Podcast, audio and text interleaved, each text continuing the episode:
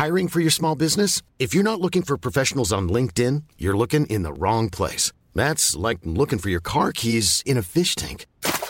LinkedIn helps you hire professionals you can't find anywhere else, even those who aren't actively searching for a new job but might be open to the perfect role. In a given month, over 70% of LinkedIn users don't even visit other leading job sites. So start looking in the right place. With LinkedIn, you can hire professionals like a professional. Post your free job on linkedin.com slash people today. There's never been a faster or easier way to start your weight loss journey than with PlushCare. PlushCare accepts most insurance plans and gives you online access to board-certified physicians who can prescribe FDA-approved weight loss medications like Wigovi and Zepbound for those who qualify. Take charge of your health and speak with a board-certified physician about a weight loss plan that's right for you. Get started today at plushcare.com slash weight loss. That's plushcare.com slash weight loss. plushcare.com slash weight loss. Hey, Dave. Yeah, Randy. Since we founded Bombus, we've always said our socks, underwear, and T-shirts are super soft. Any new ideas? Maybe sublimely soft. Or disgustingly cozy? Wait, what? I got it. Bombus. Absurdly comfortable essentials for yourself and for those facing homelessness. Because one purchased equals one donated. Wow, did we just write an ad? Yes. Bombas. Big comfort for everyone. Go to bombas.com slash ACAST and use code ACAST for 20% off your first purchase.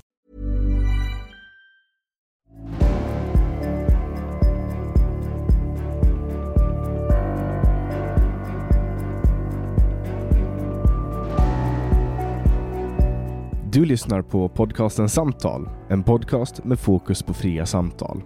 Den här podcasten presenteras av tidningen Bulletin. Om du vill få tillgång till samtal sju dagar före alla andra så kan du gå in på www.bulletin.nu och bli prenumerant. Då får du också ta del av hela Bulletins premiumutbud. Kom ihåg att Bulletin också finns som app till både iOS och Android. Länkar hittar du i beskrivningen till det här avsnittet eller på min hemsida www.samtal.ax.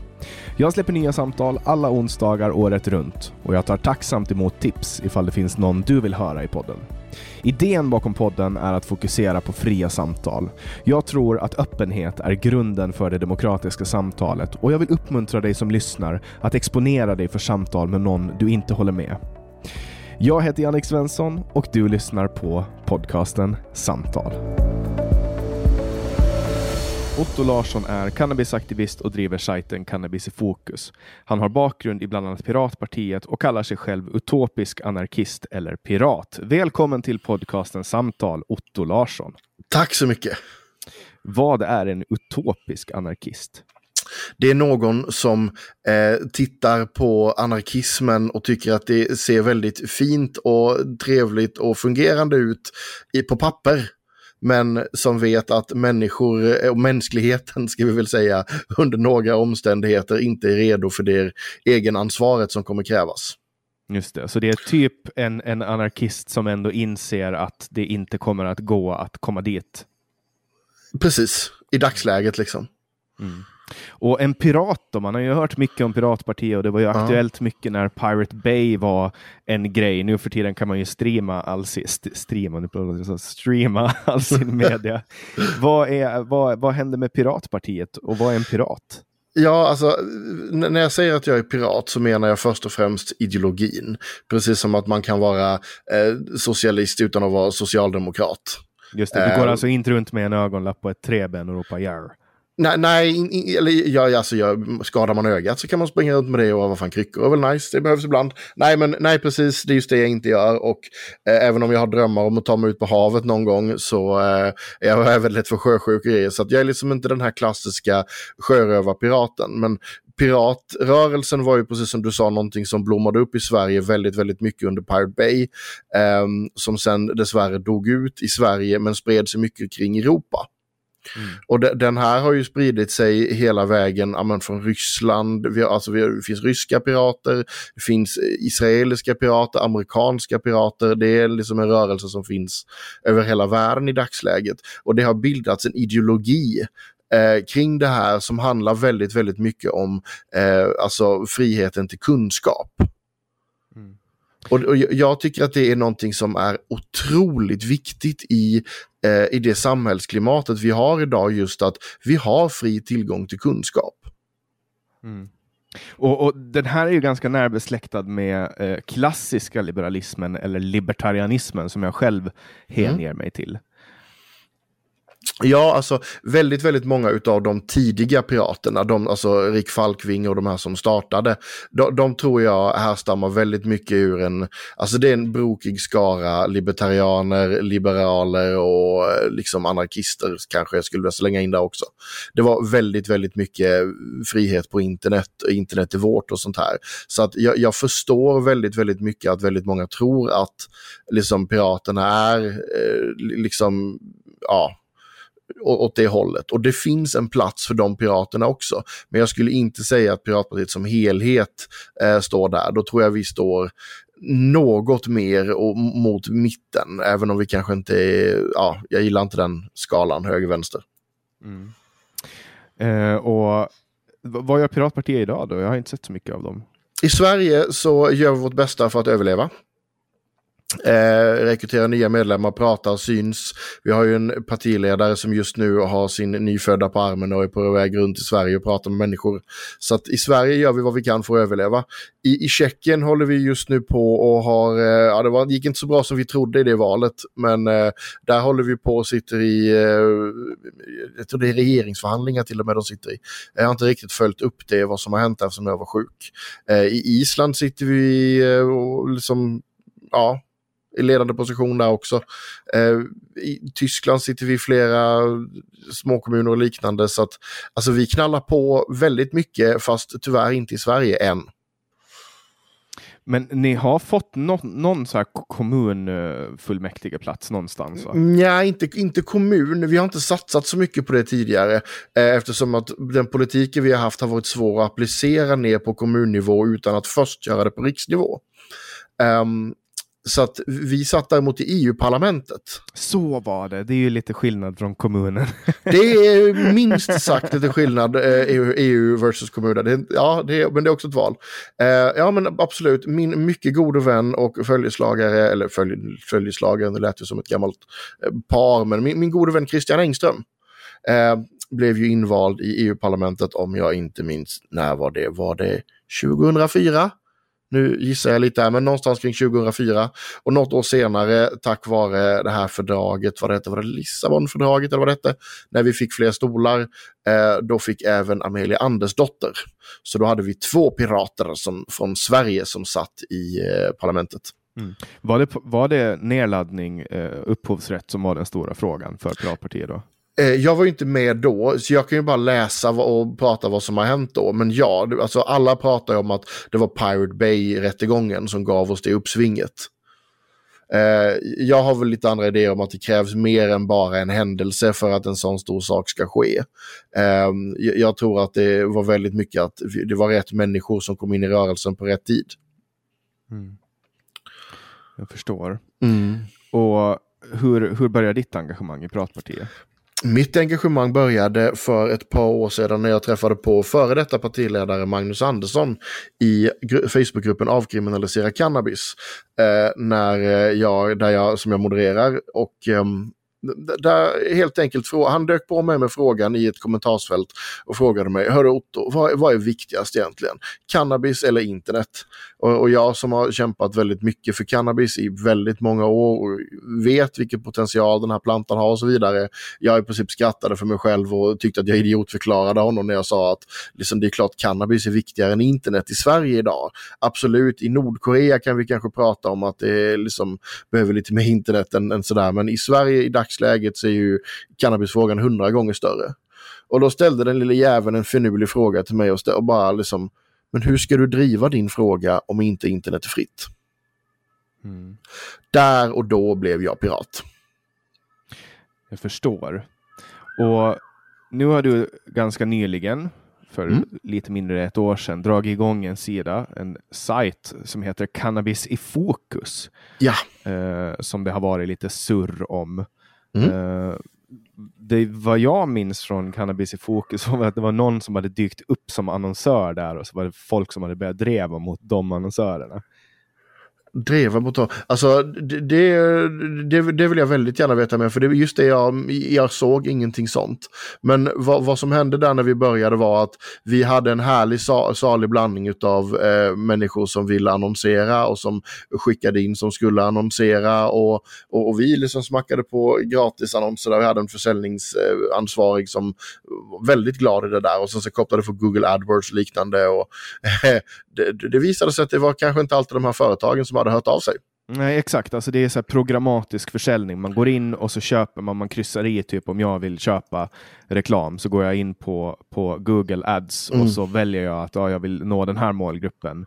Män mm. mellan 25 och 35 som bor i storstäder typ. Och, och, ja, men... så, och sen kommer det automatiskt. Den ligger och budar automatiskt. Ja men precis. Det, det, det, var ju en av sakerna som skedde och sen så kom ju nykterhetsrörelsen in då. Framförallt då lotterifinansierade ju GTNTOs eh, medlemstidning Accent. Eh, kom in och hade och publicerade lite texter där och visade bara på att de överhuvudtaget inte förstår annonsering. Mm. Så att det började ju höra av sig jättemånga företag som, alltså, så, så vi bara liksom så här, ja ah, okej, okay. liksom, ska vi hänvisa dem till Google och vi ska göra? Så vi plockade bort Google-annonseringen och eh, plockade bort massa annat kring eh, kring det där liksom. Och har helt enkelt fått insett att eh, vi, vi får köra annonserna helt själva. Mm. Och nu är ni ganska lönsamma vad jag förstår. Eh, vi, vi alltså, är ganska lös. Vi har ju eh, inte riktigt liksom, fått börjat sälja annonser, alltså tagit betalt för det än så länge alls fortfarande. Eh, utan vi istället eh, har valt en, vad ska man säga, organisk tillväxt och eh, sitter och väntar på att få upp ett bo bolag så att vi kan börja sälja annonser. För vi har flera stycken som vill börja betala. Okej, okej. Jag tänker sen när jag ser de annonsörerna jag har så ser jag att det här är ju stora annonsörer. Liksom. Ja, jo, men precis. Problemet är att eh, jag jobbar, vi jobbar med cannabis. Vi, vi har ändå en cannabisblomma som logga och liknande. Och det gör att när du kommer till en bank exempelvis och säger hej, hej, jag vill starta bankkonto. Då, då kan man tycka att den här kapitalistiska banken ska säga ho, ho, ho, här är någon som vill tjäna pengar. Nej, riktigt så enkelt är det inte. Utan eh, de snarare säger ja, ja, vi fixar det här. Ge oss två veckor så har ni bankkonto och grejer. Och efter tre veckor så hör han av sig och bara du, jag kunde inte lösa det här. Oj. För jag menar, det är ju ingenting olagligt ni Nej. gör. Vi har inga produkter, jag är inte ens inne och säljer någon jävla hampa-grej eller någonting vid sidan om, utan jag sitter hemma och publicerar information på internet om cannabis. Och ni får inte öppna ett bankkonto? Nej. Får ni starta ett bolag då? Uh, ja, alltså, vi, istället för att starta ett bolag så uh, köpte vi ett för att när, när, vi insåg problem med bankerna så insåg vi bara att vi vill liksom plocka upp ett gammalt uh, icke-använt bolag och använder det istället.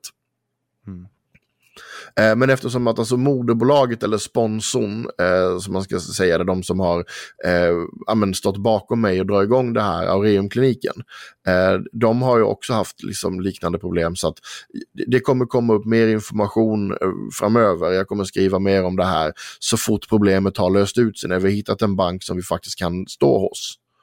Mm. Då kan man börja hänga ut de andra liksom. För det, det jag tycker det är riktigt, riktigt tråkigt att alla de stora bankerna, liksom Swedbank, Nordea och alla de här, de bara skrattar och säger nej, nej, nej, inte en chans.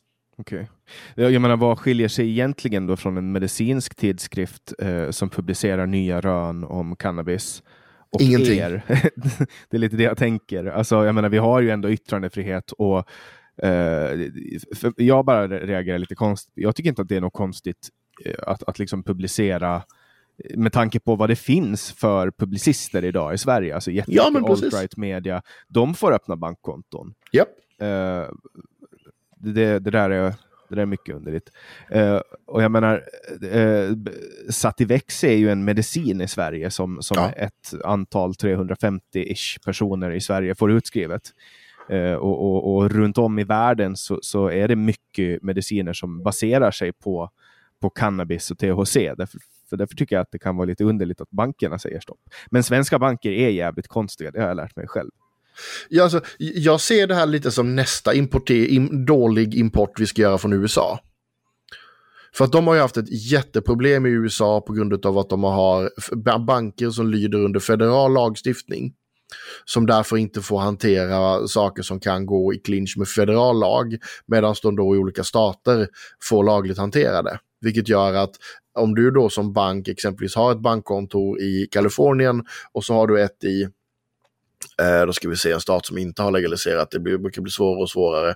Eh, jag tror inte Arkansas har gjort det än. Men ja, vi, vi, tar, vi säger, tar Arkansas som exempel. Eh, då får inte du i Kalifornien handla med cannabis eftersom det är olagligt i Arkansas. Mm. Och där är en, det där blir en ganska stor konflikt, alltså en lagkonflikt, för att du har mm. en lag som står över, men sen har du också subsidiaritetsprincipen som säger att beslutet ska fattas så nära människan som möjligt. Ja. Eh, och där då har de ju kanske inte jättebra eh, hur de har liksom rätt ut det i, i USA. Nej, de, de, har ju alltså överhuvudtaget legaliseringsimplementeringen i USA är katastrofalt dålig om man kollar på hur de har gjort. Nu håller de ju på efter, jag vet inte hur många år, att lösa det med det här då federala bankreformen, fast de är ju fortfarande inte klara på hur de ska göra det riktigt. Mm. Så att, äh, ja nej, man, man, jag brukar prata väldigt mycket om att Kanada, Kanada kunde ha gjort sin implementering bättre. Men USA borde bara, så, så här, ja, load game restart. Ja, alltså det där är ju också någonting som, som det har ju varit jättemycket eh, skriverier om den här, eh, alltså när de, när de tillät det i, eh, vad heter det här, eh, eh, den här delstaten som South Park är i. Colorado. Colorado, ja exakt. Då, då, skrev ju, då, då, då eh, skickade ju Beatrice Ask upp en... en oh, den här. Mm. Exakt, det låg något, någon, någon li, något lik, så här, helt blekt lik och någon som låg och grät och så stod det så här 13 överdoser första dagen av avkriminalisering. Ja. Eh, och, och, då skriver liksom en minister det här. På, det visar ju nivån på hur mycket man vet i Sverige om cannabis. Eh, och, och jag menar, alltså det är väl egentligen Ehm, det finns ju väldigt mycket forskning och väldigt mycket vetenskap eh, på, eh, på det här, den här substansen, då, det verksamma ämnet i, i, cannabis. Men, men i Sverige vill man liksom inte ta till sig av de fördelarna som det finns. För att, jag menar, varför, eh, till viss del har man ju gjort det. Alltså Sativex är ju en, en medicin som kan användas vid, vid svår kronisk smärta och, och det finns evidens för den Obviously, mm. annars skulle det inte vara till, tillåtet som, som läkemedel. Men sen finns det länder i, som i mycket större utgradning, utbredning använder mm. det här. Eftersom, eftersom biverkningarna är ofta mildare än andra smärtmediciner, som till exempel opiater. Alltså, skillnaden på att, att gå och, och skjuta heroin som du köper av någon langare på gatan eller som du beställer på Darknet och gå mm. till sjukhuset är väldigt ofta inte jättestor. Utan det är ju samma, det är samma substans som du skjuter, som du ja. får in i, i kroppen. Liksom. Bara det skillnaden är att när, när, man gör det på ett sjukhus så görs det kontrollerat. Eh, och, och, och, och, där finns det, alltså, kollar man rent smärt, alltså smärtlindringsmässigt, så, så kanske många mår inte jättebra av att eh, gå på morfin eller opiater i längden. Och för, för, man, man, man, blir dålig av det helt enkelt. Eh, och, och, och då är ändå morfin och heroin och opiater någonting som är ganska tungt. Vad, vad, tror du att det är som gör att folk har så, så svårt med att acceptera eh, cannabis som, som medicin i Sverige? Nils Bejerot. Ja, Nils Bejerot. Det är ju... ja, men jag, jag, tänker gå tillbaka till den och prata om den gamla polisläkaren. För det, för det är just där det började. För att jag menar, alltså, läkarkåren var inne på det spåret innan han började. Det var precis som där när du, eh, när du sa det. Man, man liksom upptäckte att herregud, vi skriver ut opiater till höger och vänster, folk blir beroende och liknande. Vi, vi måste börja liksom titta på andra sätt att hantera det här.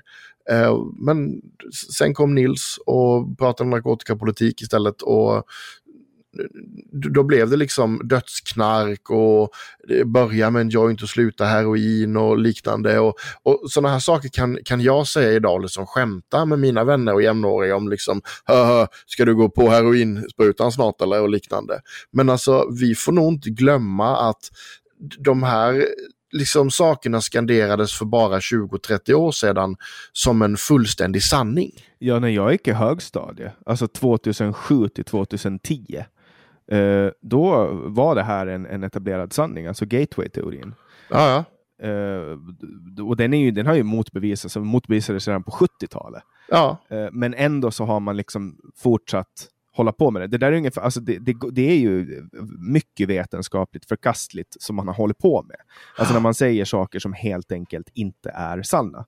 Men mm. eftersom det är i, i enlighet med rådande politiska klimat och vad som är okej okay att tycka, då är det inte så farligt att man uttalar sig ovetenskapligt.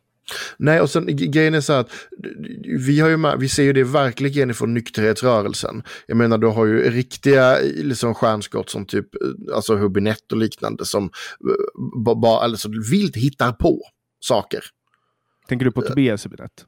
Uh, nej, nej, Staffan. Nej. Staffan Hübinette. Det, ja. finns, det finns många Hübinetter. Ja, okay, ja, det, jag, inom narkotikarörelsen så finns det bara en. Det är the Staffan Hübinette. Han, nej, han, uh, han jobbar för toll, IOGT-NTO på tollare och liknande. Och uh, alltså så här, ljuger he helt öppet blir catchad på det hela tiden och bara vänder huvudet och går åt andra hållet. Eh, och sen så får han hyllningar från sina egna som bara vägrar bemöta kritiken.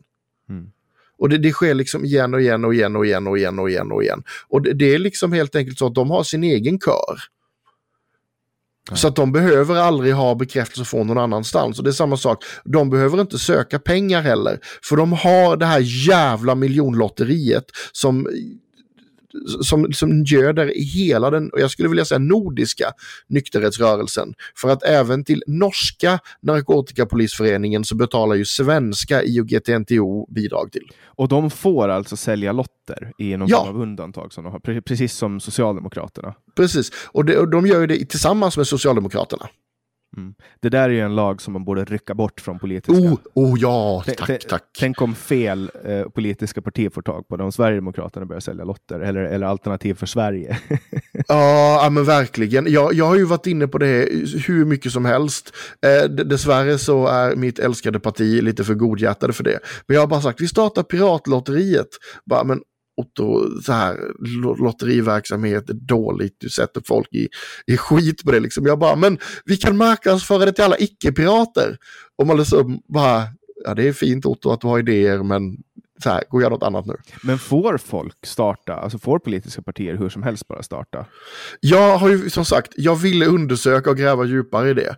Eh, men jag, alltså så här, jag kan bara säga så här, eh, med tanke på den positionen SD har suttit i om man hade fått göra det så hade SD säkerligen startat lotteri. Mm.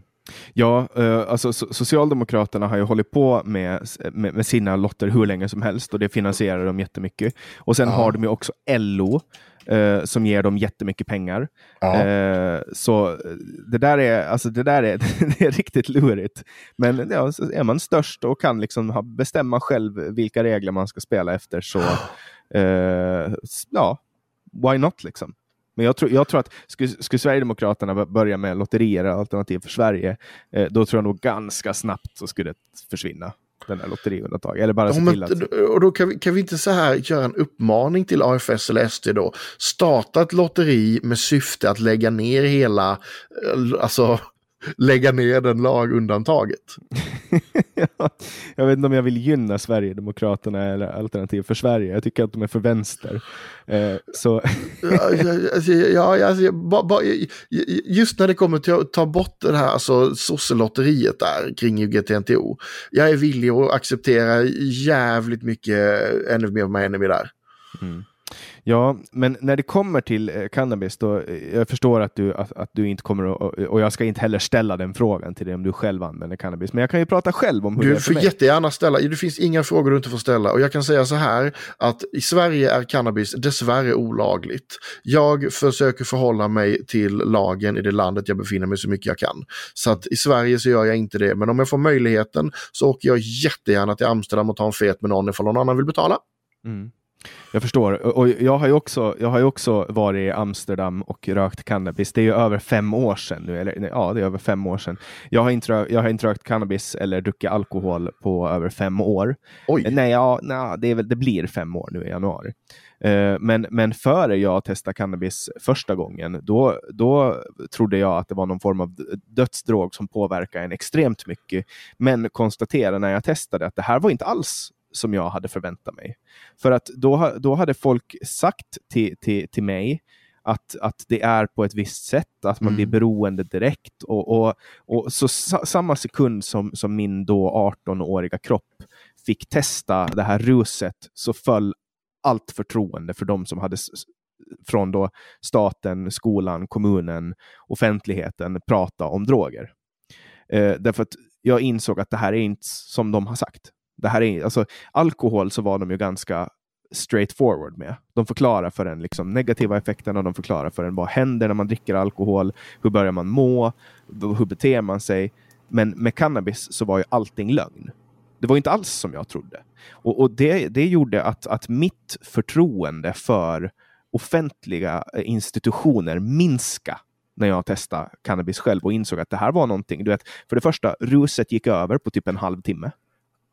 Alltså så här, det, du röker och sen typ en halvtimme senare så är du tillbaka där du var innan. Mm. Typ 30-40 minuter.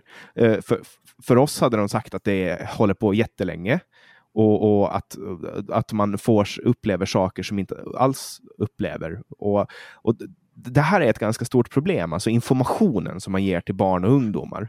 Oh, ja. eh, att om man, om man inte är ärlig, då, då, kommer man ju inte kunna få ett förtroende för det som faktiskt är farligt. För då utgår ju, tänker jag i alla fall, att ungdomar utgår ifrån att okej, okay, de ljög för oss som cannabis. Då kanske de ljög för oss som heroin också. Förstår du vad jag menar?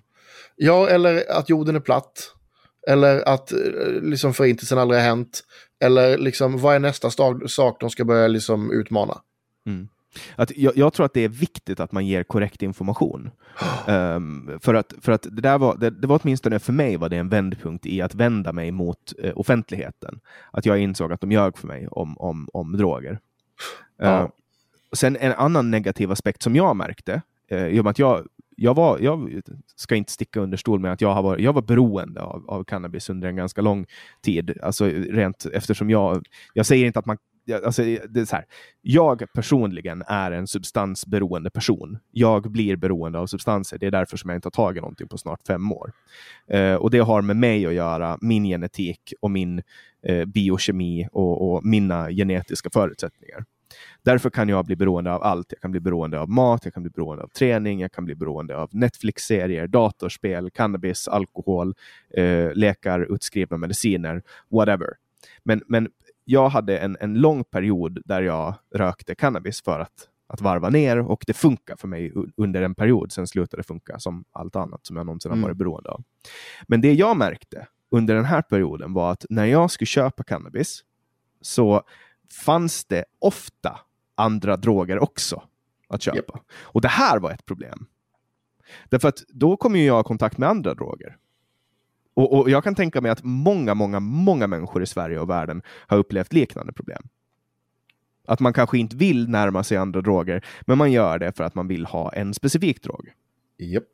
Och där är ju ett eh, argument varför man, man borde sära cannabis från andra droger.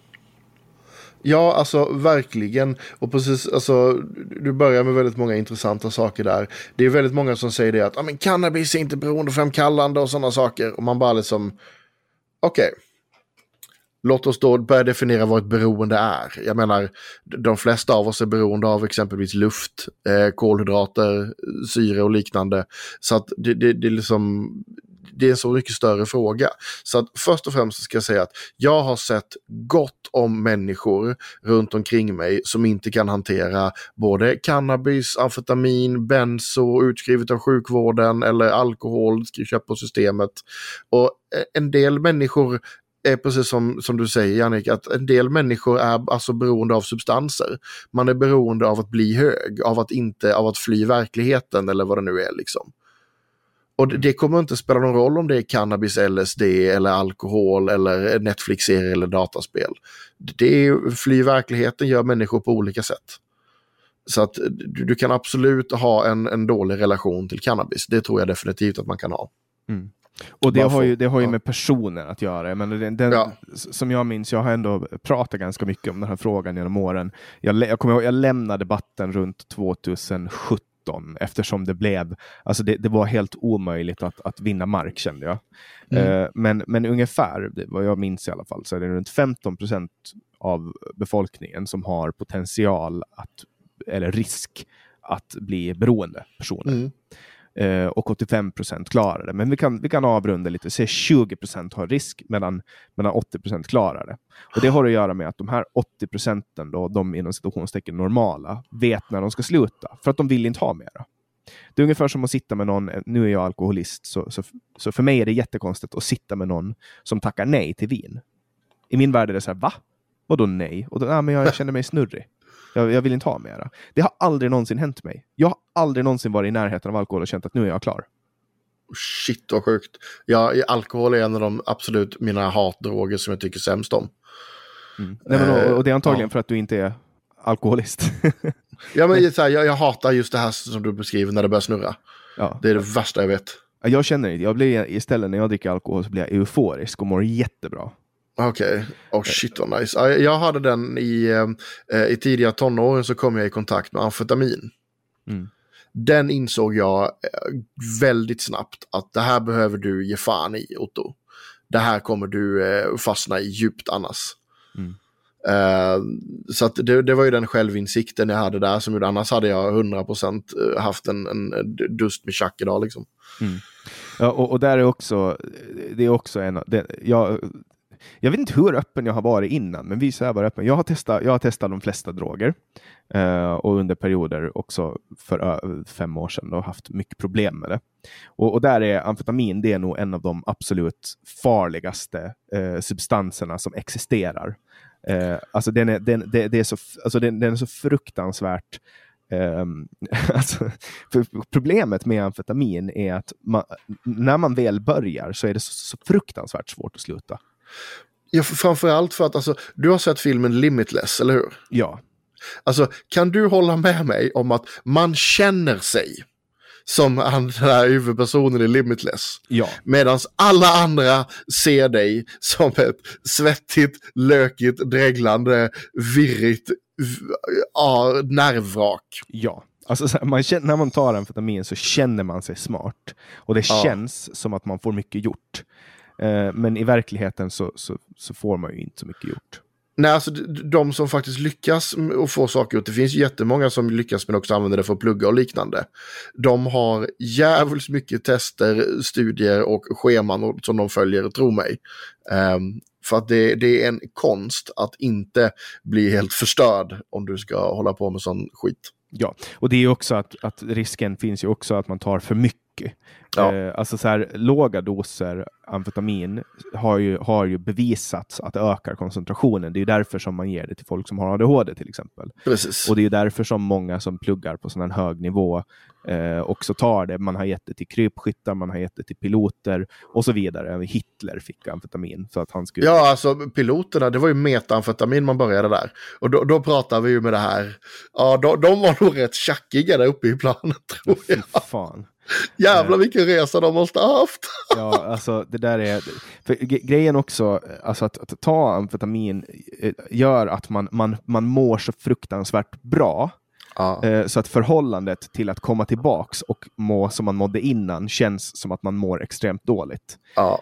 Och, så att det, det, det, är nog en fruktans, fruktansvärd, fruktansvärd eh, drog eh, som, som jag eh, aldrig någonsin eh, rekommenderar någon att mm. ta. Inte ens, alltså jag är till och med, ställer mig till och med allmänt tvekande till ADHD-mediciner just för att den innehåller en form av, av amfetamin.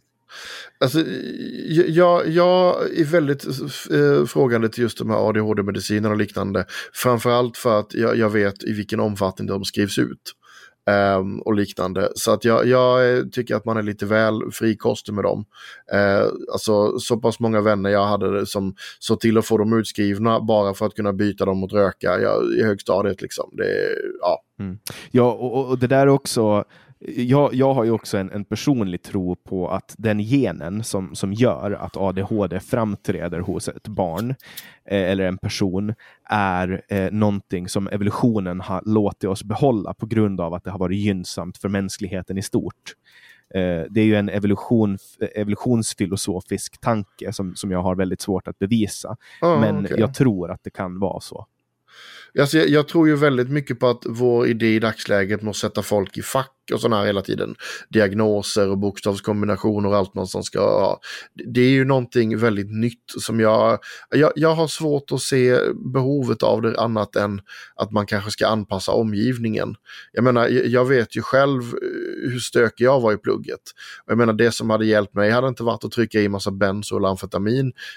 Det som hade hjälpt mig hade varit att få en lite mer individanpassad utbildning. Mm.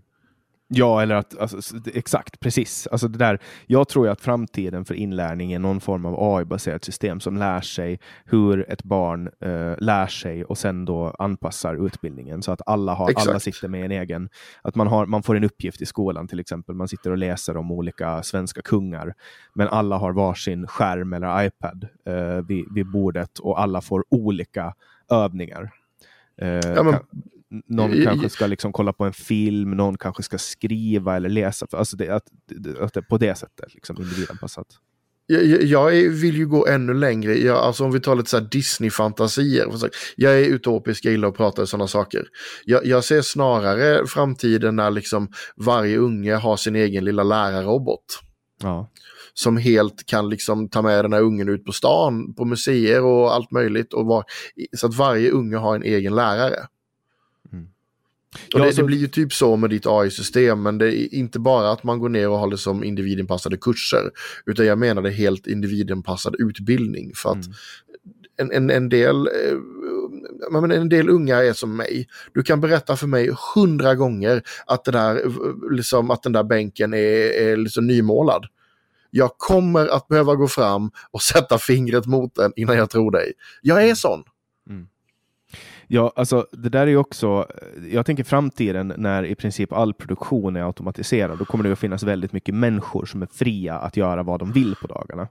Alltså för kollar man bara sedan 70-talet så har ju kostnaden för produktion av mat sjunkit extremt mycket. Eh, så att nu, nu är jämfört, alltså bara jämför man kostnader för att leva så det är mycket, mycket mindre nu än vad det var på, på 70-talet. Oh. Eh, och, och det här kommer antagligen att fortsätta. Eh, det kommer antagligen att komma snart någon ny banbrytande teknik som vi inte ens vet om eller eh, ens kan föreställa oss. Eh, som kommer att göra att massa människor kommer att ha mera fritid. Och då kommer man kanske på ett... Alltså, helt plötsligt så kommer alla, alla de här problemen med, med för lite lärare, för lite människor i vården att, att vara lösta på det sättet. Alltså jag, menar, jag, jag kan inte tänka mig en, en härligare värld än där jag kan vara med mina barn hela tiden och kanske jobba tre timmar om dagen. Eller, eller förstår du vad jag menar? Uh, alltså jag, jag har ju basinkomst just därför. Som jag eh, pratar om och försöker driva lite eh, genom piraterna.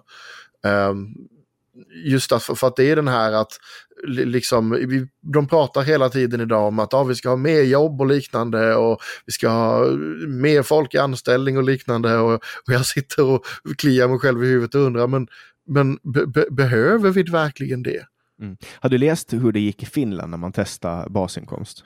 Ja, alltså, fast det där är jag jättenyfiken att diskutera mer om. För att det, det, det, jag vet om det är basically att du tog en grupp människor som man visste att de här människorna kommer aldrig någonsin komma ut i arbete igen. Så gav man dem basinkomst i hopp om att de skulle komma ut i arbete. Vad som istället hände var att de här människorna blev lyckligare och sen så kallade man hela försöket ett misslyckande.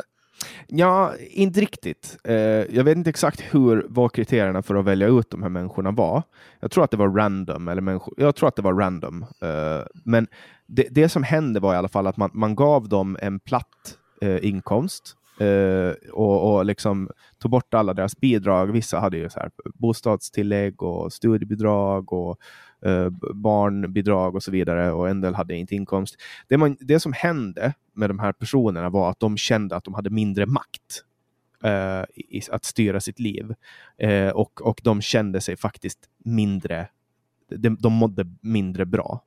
Eh, och därför så, därför så förkastades tanken på basinkomst i Finland helt och hållet, för att det fanns så många nackdelar och så få fördelar.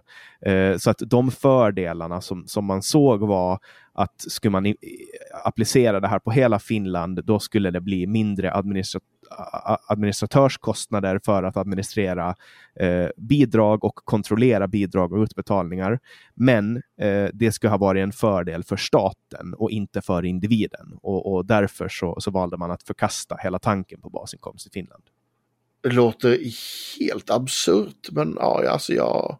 Mm. Men tänk själv om du bara satt hemma och fick pengar. Alltså, jag menar, så dåligt som folk har mått under corona. Ja, men alltså, grejen är så här att alltså, jag tror inte att folk skulle sitta hemma och bara få pengar. Jag tror att folk skulle gå och sätta sig i parkerna, folk skulle träffas, folk skulle börja prata. De människorna som kände att jag vill ha mer än den här basinkomsten kanske skulle tillsammans börja jobba för att bygga saker som, som faktiskt gynnade samhället. Mm. Men, men det, så, så blev inte utfallet, åtminstone Nej, ja. de, de, de, test som man gjorde i Finland. Och Jag tror att mycket av det har att göra med att man vill känna att man är herre över sitt eget liv. Man vill känna att man har kontroll och kan förändra. Jag tror att mycket har med det att göra. Ja, men jag, jag, jag bara, jag, där, alltså jag, jag har bara sett resultat som sa att eh, basinkomsten gjorde att folk blev lyckligare men inte kom mer i arbete. Mm. Eh, så att, äh, jag får ta och kolla lite med mina finska pirater igen och se om det finns någon, någon mer data kring det här. För i så fall vill jag läsa mer om det här. För att är det så att basinkomst är en dålig idé så, så vill jag veta det. Ja, alltså jag har, jag har haft tankar, alltså jag är ju väldigt frisinnad som, som person och jag har av rent administratörsmässiga eller administrationsmässiga orsaker varit in och sveva på tanken om basinkomst istället för bidrag. Därför att då skulle du skulle få bort väldigt många administratörer och handläggare ja. och, och, du skulle inte behöva ha dyra kontrollsystem och så vidare. Och man skulle kunna lägga ner Arbetsförmedlingen och, och, och Försäkringskassan och, och massa sådana saker om man, om, man, om man bara delar ut. Alltså om vi nu ska ha ett bidragssamhälle som jag inte tycker att vi ska ha, då kan man åtminstone bara ha en central eh, utbetalning med en universal summa som är beräknad på ett sätt så att okej, okay, det här funkar. Eh, då ska man inte heller ha den här, till exempel, det finns ju familjer som får eh, så mycket pengar i, i bidrag att eh, det lönar sig inte för någon av föräldrarna att gå ut i arbete. Eh, och då har man ju kommit, då har man ju kommit in absurdum upp på en nivå som är så här, det, det här går inte det här funkar inte. Liksom.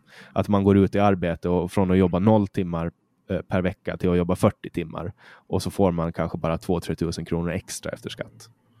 Mm, ja, men så här, och de, de brytpunkterna där kan ju ibland bli problematiska. Samtidigt så ser jag inte riktigt hur man ska kunna göra ett sånt system som passar både en person som är då kanske två personer med åtta barn eller en person med ett barn.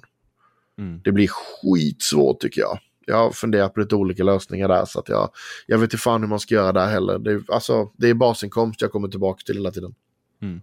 Ja, jag tror ju att, jag tror att, att hela det här bidragssamhället måste, måste liksom avvecklas bit för bit. Eh, att den åtminstone under vår livstid måste initieras för att eh, det, har, det har helt klart gått överstyr.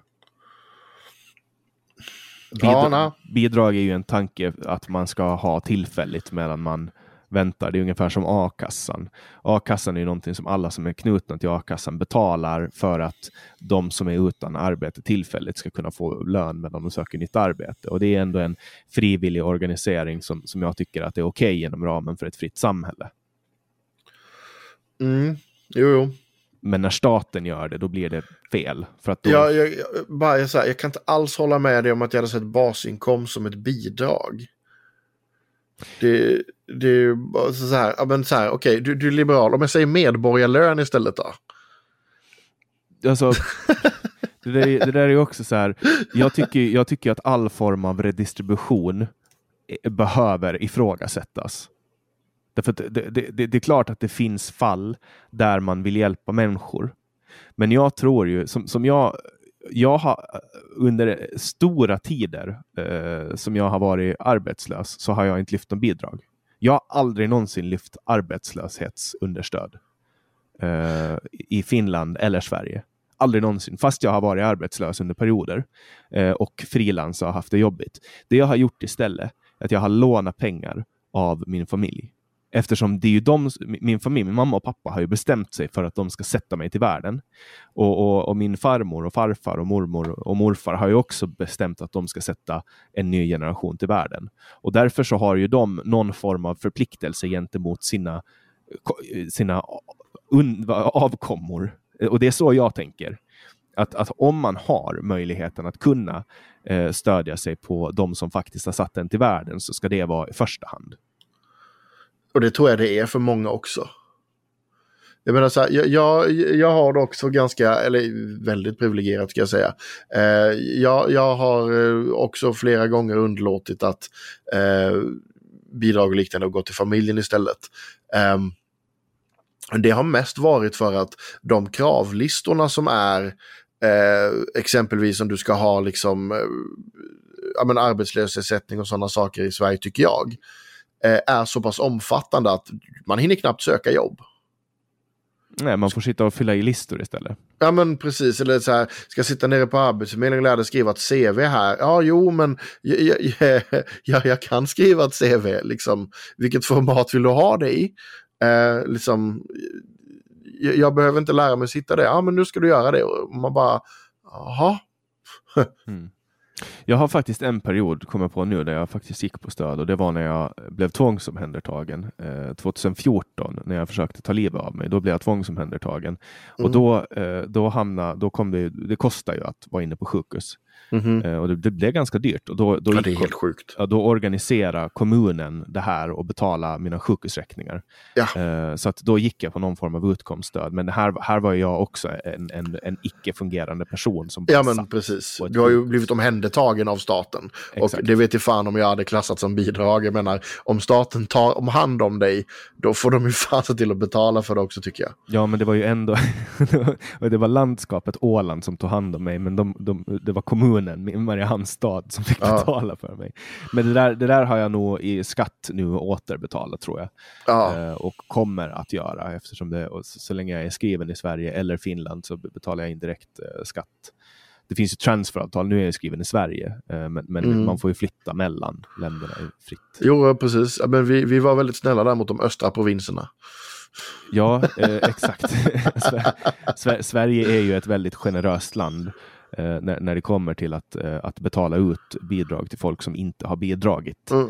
Eh, Men om bara, bara för att, innan jag går vidare, bara för att ställa lite, så här, en lite provocerande motfråga där.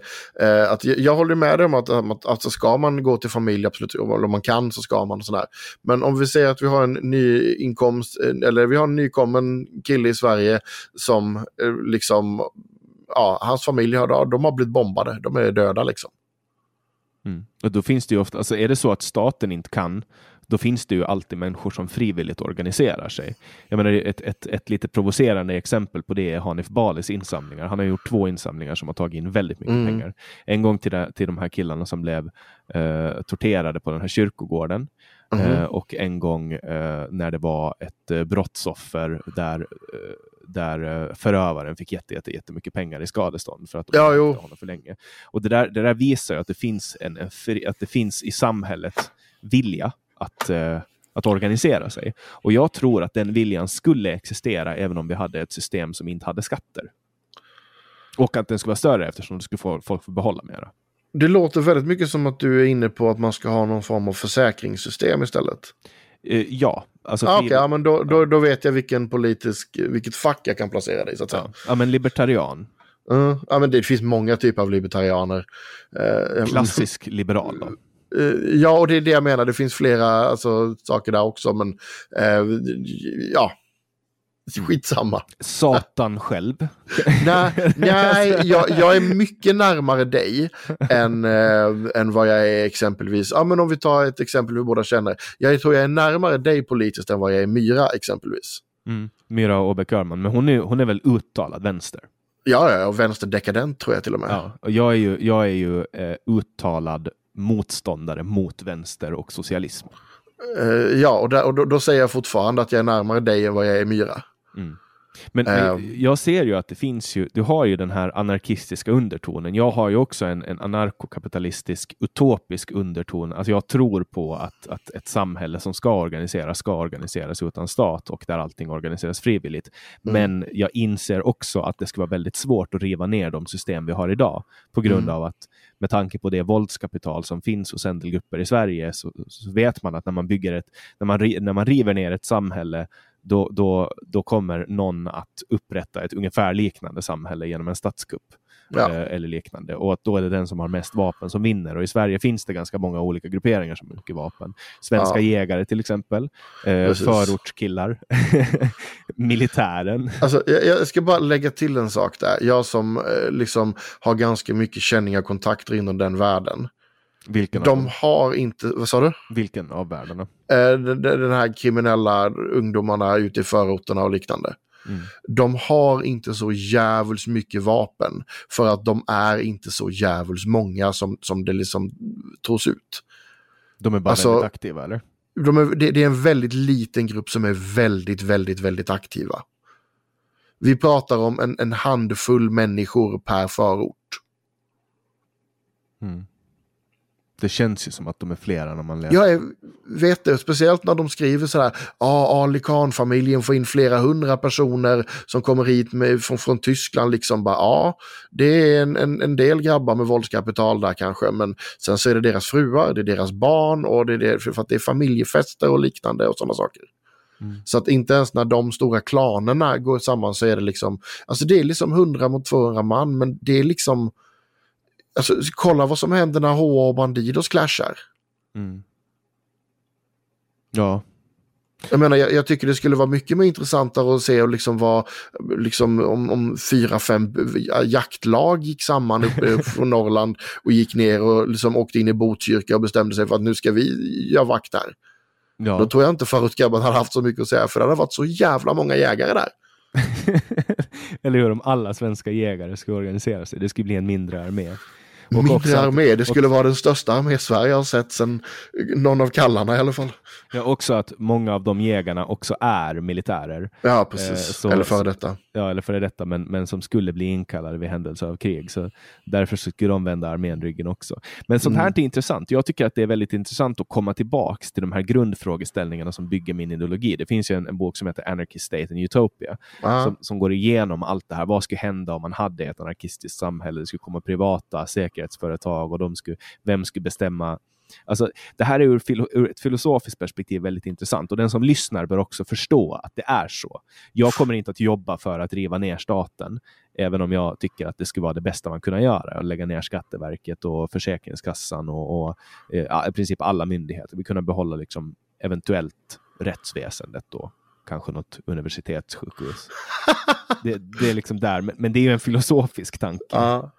Eh, på samma sätt som att jag tycker att det skulle vara jättekul om det enda människor lyssnar på och spelar på radion var Pink Floyd. Eh, det är också en utopi för mig. Då skulle, då skulle det spelas bra musik vart jag än kom. Liksom, och så skulle man kunna... Du förstår vad jag menar? Jag tror bara folk ska sluta lyssna på radio, men jag förstår vad du menar. Ja, det är, ett, det är ett förlegat medium, men nu har vi ju eleverat in i nästa och det är ju internetradioeran. Eh, Jag menar, ljud är här för att stanna. Det är det är bästa sättet att, att, att förmedla information enligt mig. Ljud. Jag tror inte att det kommer vara speciellt långt kvar innan vi kommer via AR-glasögon och liknande ha eh, exempelvis skärmar uppsatta på stan och liknande. Och beroende på vem som tittade på skärmen så kommer den visa olika saker. Ja, alltså man gjorde ju, Google var ju ganska långt in med Google Glasses, eller Google Glass, men problemet var det Ja. att de hade kameror på sig och man får inte gå runt och filma hur som helst. Nej, det, det var ju ett av många problem. Jag vet inte, såg du dem någonsin? Nej. Så jävla fula! Jag måste googla. Jag, jag minns inte nu, men eh, Google Glass hette Ja, det. jag såg ett par tidiga sådana på eh, Kista när jag jobbade där eh, för många år sedan. Och, och det var verkligen som att se, liksom, ja men tänk att du ser Dilbert. Mm. Jag fick liksom instinkt känsla att dra kalsonggreppet på honom liksom. Ja, okej, här finns det ju alltså. Det finns ju, eh, de används ju på något sätt nu, ser jag. Ja, de finns fortfarande att köpa och liknande och eh, sådana här saker. Jag menar, du, det finns ju ingenting så att du inte får gå runt med en kamera eh, överallt. Det är bara att du får inte filma så att säga. Så att du får ju stänga av kameran och sånt och det är på sådana områden. Mm. Eller bara skita i vad reglerna säger liksom. Men det, det, är väldigt mycket med de som är prototyp också. Eh, jag menar, jag har själv testat en, den funktionen som finns i de flesta Android-telefoner. När du Google Mapsar det någonstans. Jag har lokalsinne som en blind bäver så att jag får Google Mapsa mig överallt. Och då kan du trycka på liksom en kamerafunktion så ser liksom var någonstans du ska gå på gatan så att säga. Mm. Och det, det, är liksom bara så här, alltså den visar helt åt helvete ibland. För att den, alltså, vi har inte så, eh, vi har inte energikapacitet under våra telefoner i dagsläget för att de ska kunna vara så eh, accurate eh, som, som den behöver vara, som ner på liksom metern. Vi har det i bilarna för där har vi en helt annan energikälla.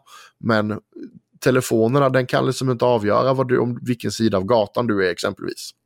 Mm, men det kommer ju, det där, det där kommer snart att komma. Alltså, alltså jag menar en Apple-dator nu eh, jämfört med en Apple-dator för fem år sedan, alltså det här M1-chippet. Jo, jo, eh, men det, det här har inte med chip att göra, det har med energi att göra för att du behöver pinga så, så mycket. Så att vi behöver nästa generations batterier basically. Mm. Men jag menar, mjukvaran blir ju eh, tyngre och tyngre, hårdvaran blir bättre och bättre, men, men i förhållande så blir ju hårdvaran eh, gör ju att det krävs mindre energi. Alltså du har ju en, en, en Mac med, med M1-chippet tar ju mindre energi för att genomföra en jättesvår operation jämfört jo. med tidigare. Och tror du Apple är så här snällt bolag som bara tänker, åh ja, men då låter vi människorna använda den energin till det de vill själva. Nej, vi trycker in massa extra konstiga funktioner här som ingen jävel har någon nytta av. Din skärmtid eller nya, nya operativsystemet på Apple stänger av min telefon hela tiden så att ingen kan ringa mig.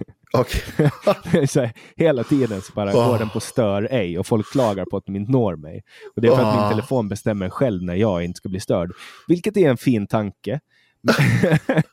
Men man vill sparka uppfinnaren i pungen, ja. E-, exakt, jag kommer säkert att lära mig det snart och det är en ganska skön grej. Du vet. Jag har inte blivit väckt mitt i natten en enda gång sedan nya operativsystemet. Jag har ju en, helt, jag har ju en inbyggd skydd mot det. Jag lovar, alltså jag har en telefon som jag, jag har fått alltså grannar som har klagat på att mitt larm går och jag inte vaknar och sådana saker. Så att även om du ringer mig mitt i natten, du kommer inte väcka mig. Finns inte en chans. Det är biologiskt, eh, en, en biologisk eh, software som du har. Ja men precis, så att jag blir aldrig någonsin väckt. Så, här, så du kan alltid ringa mig. För svarar jag inte så, ja, och lyckas du väcka mig, good for you, jag är imponerad. jag, jag såg eh, på en hemsida häromdagen att man kan, det finns så fickor man kan köpa som man stoppar in telefonen i som blockerar signaler. Och det är så här, wow. det finns ju flygplansläge. Ja, ja, alltså jag, jag, det, det var, jag hade så många idéer. Stänga av telefonen. Exakt. alltså det här flygplansläget, stänga av telefonen. Lägg den i ett uh, annat rum. ja, men precis. Eller bara, ha, ha inte en telefon. Nyligen så hade du med en, eh, en uh, debattartikel i Bulletin. Mm. Och 2016 så skulle den här debattartikeln ha väckt oerhört mycket uh, debatt. Men nu har, nu har de här skrivits så många gånger uh, så att alla är typ vana med dem. Jag kan tänka mig att det finns någon jättekonservativ person som sitter ute i någon skog någonstans som inte blir galen av att cannabisreglering är första steget för att knäcka gängen-rubriken. Ja, alltså jag vet inte vad jag ska svara på det. Jag, jag, har ju liksom, nu känner jag mig riktigt gammal, men jag har ju varit med så länge att jag har liksom ställt mig upp på föreläsningar och när nykterhetsrörelsen inte visste vem man var när man inte blev stoppad i dörren. Eh, och, och liksom räckt upp handen och ställt väldigt simpla frågor och verkligen blivit utskrattad. Eh, när, när man har ställt saker som, ja, men som så här eh, när, när man har ställt den här frågan, alltså att kan ni tänka er att ha en diskussion om, om liksom underlagen som ni bygger era åsikter på eh, för att jämföra dem med andra underlag. Och, och, och där, och där blir man blir utskrattad. Så att jag, jag har liksom, jag har inget förtroende för, eh, vad ska man säga, nykt, alltså motståndarsidan och hur långt de är villiga att gå för att förlöjliga en. Så att, att vi är där vi är idag, det är svårt att greppa. Eh, alltså, den här eh, frågan om cannabis har ju varit, den har ju alltid varit kontroversiell. Eh, så länge jag kan minnas i alla fall. Men nu känns det som att folk har börjat tröttna. Förstår du vad jag menar? Alltså att Ja. folk orkar inte bli lika arga längre när någon öppet är för cannabis eh, eh, legalisering eller cannabis avkriminalisering. Jag tror det är en kombination av det. Jag tror aldrig någonsin att folk blev riktigt arga. Alltså liksom på riktigt. Jag tror att en del människor, sådana här Bror Duktig-människor som alltid finns överallt, de blev arga för att man gick emot strömmen. Men alltså framförallt så tror jag att väldigt många, alltså alla har en anhörig som har eh, trillat dit på liksom någon typ av drog. Nästan alla jag, jag vet känner någon så att man har det som Ja, alltså alkohol. Det är ju... alkohol, eh, en, en, alltså, eh, alltså det finns hur många som helst. Alltså, det, här med läkemedelsberoende är ingenting nytt liksom. Så att de flesta känner någon eller har någon anknytning till någon som har liksom klandrat dit eller kan sätta sig in i det. Och tidigare så har det liksom varit så tydligt det här som, som nykterhetsrörelsen nu försöker dra tillbaka det här att om du röker eh, cannabis så, så är du liksom en av dem. Då är du en av knarkarna liksom. Då är du en av dem som liksom hade, hade ihjäl min lille Billy eller min lilla Lisa eller vad fan det var som, som hände. Ja, liksom. och det är ju det som är problemet. Alltså så, som jag ser, jag kan berätta om en episod för exakt två år sedan ungefär. Jag eh, hade precis blivit invald som reserv i Ålands lagting. Alltså i vår lilla riksdag som vi har på Åland. Mhm. Och eh, då var det en kille som någon vecka innan hade ur kontext hört mig skämta om droger. Alltså jag hade skämt om droger. Han upplevde det som att jag var drogliberal. Eh, eller jag vet inte om han upplevde det så eller om han bara gjorde det. Men han gjorde i alla fall en Youtube-film där han liksom hängde ut mig anonymt. Men Okej. sen spred han samtidigt ut att det var jag, så att alla visste att det var jag. Och då kommer världens drev, du vet, public service-radion, båda tidningarna, Facebook. Alla är liksom, jag är, jag är djävulen själv. Jag var på löpsedlarna, jag var på första sidan. Den här nyheten i radion, eller inslaget med mig, blev Ålands mest streamade inslag under hela året, alltså på vår public service-radio. Och då var det här i november. Så att det här liksom, eh, det, det, blev, det var helt ur proportion, hela den här grejen. Och då är jag liksom, då, då var jag, då hade jag varit nykter i tre år. Nykter och drogfri och liksom kämpa för eh, människor som har samma sjukdom som mig, gått och besökt liksom, institutioner, eh, sökt upp alkoholister och så. Och, och då har jag alltså verkligen lagt ner hjärta och själ för att hjälpa folk att bli nyktra och drogfria. Och så får jag det här drevet mot mig för att någon upplever att jag är drogliberal.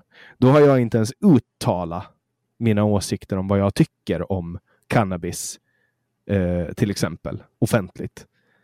Eh, men, men, det här drevet, alltså det här tog ju, fy fan vad det tog musten ur mig liksom. Ja, det kan jag verkligen förstå.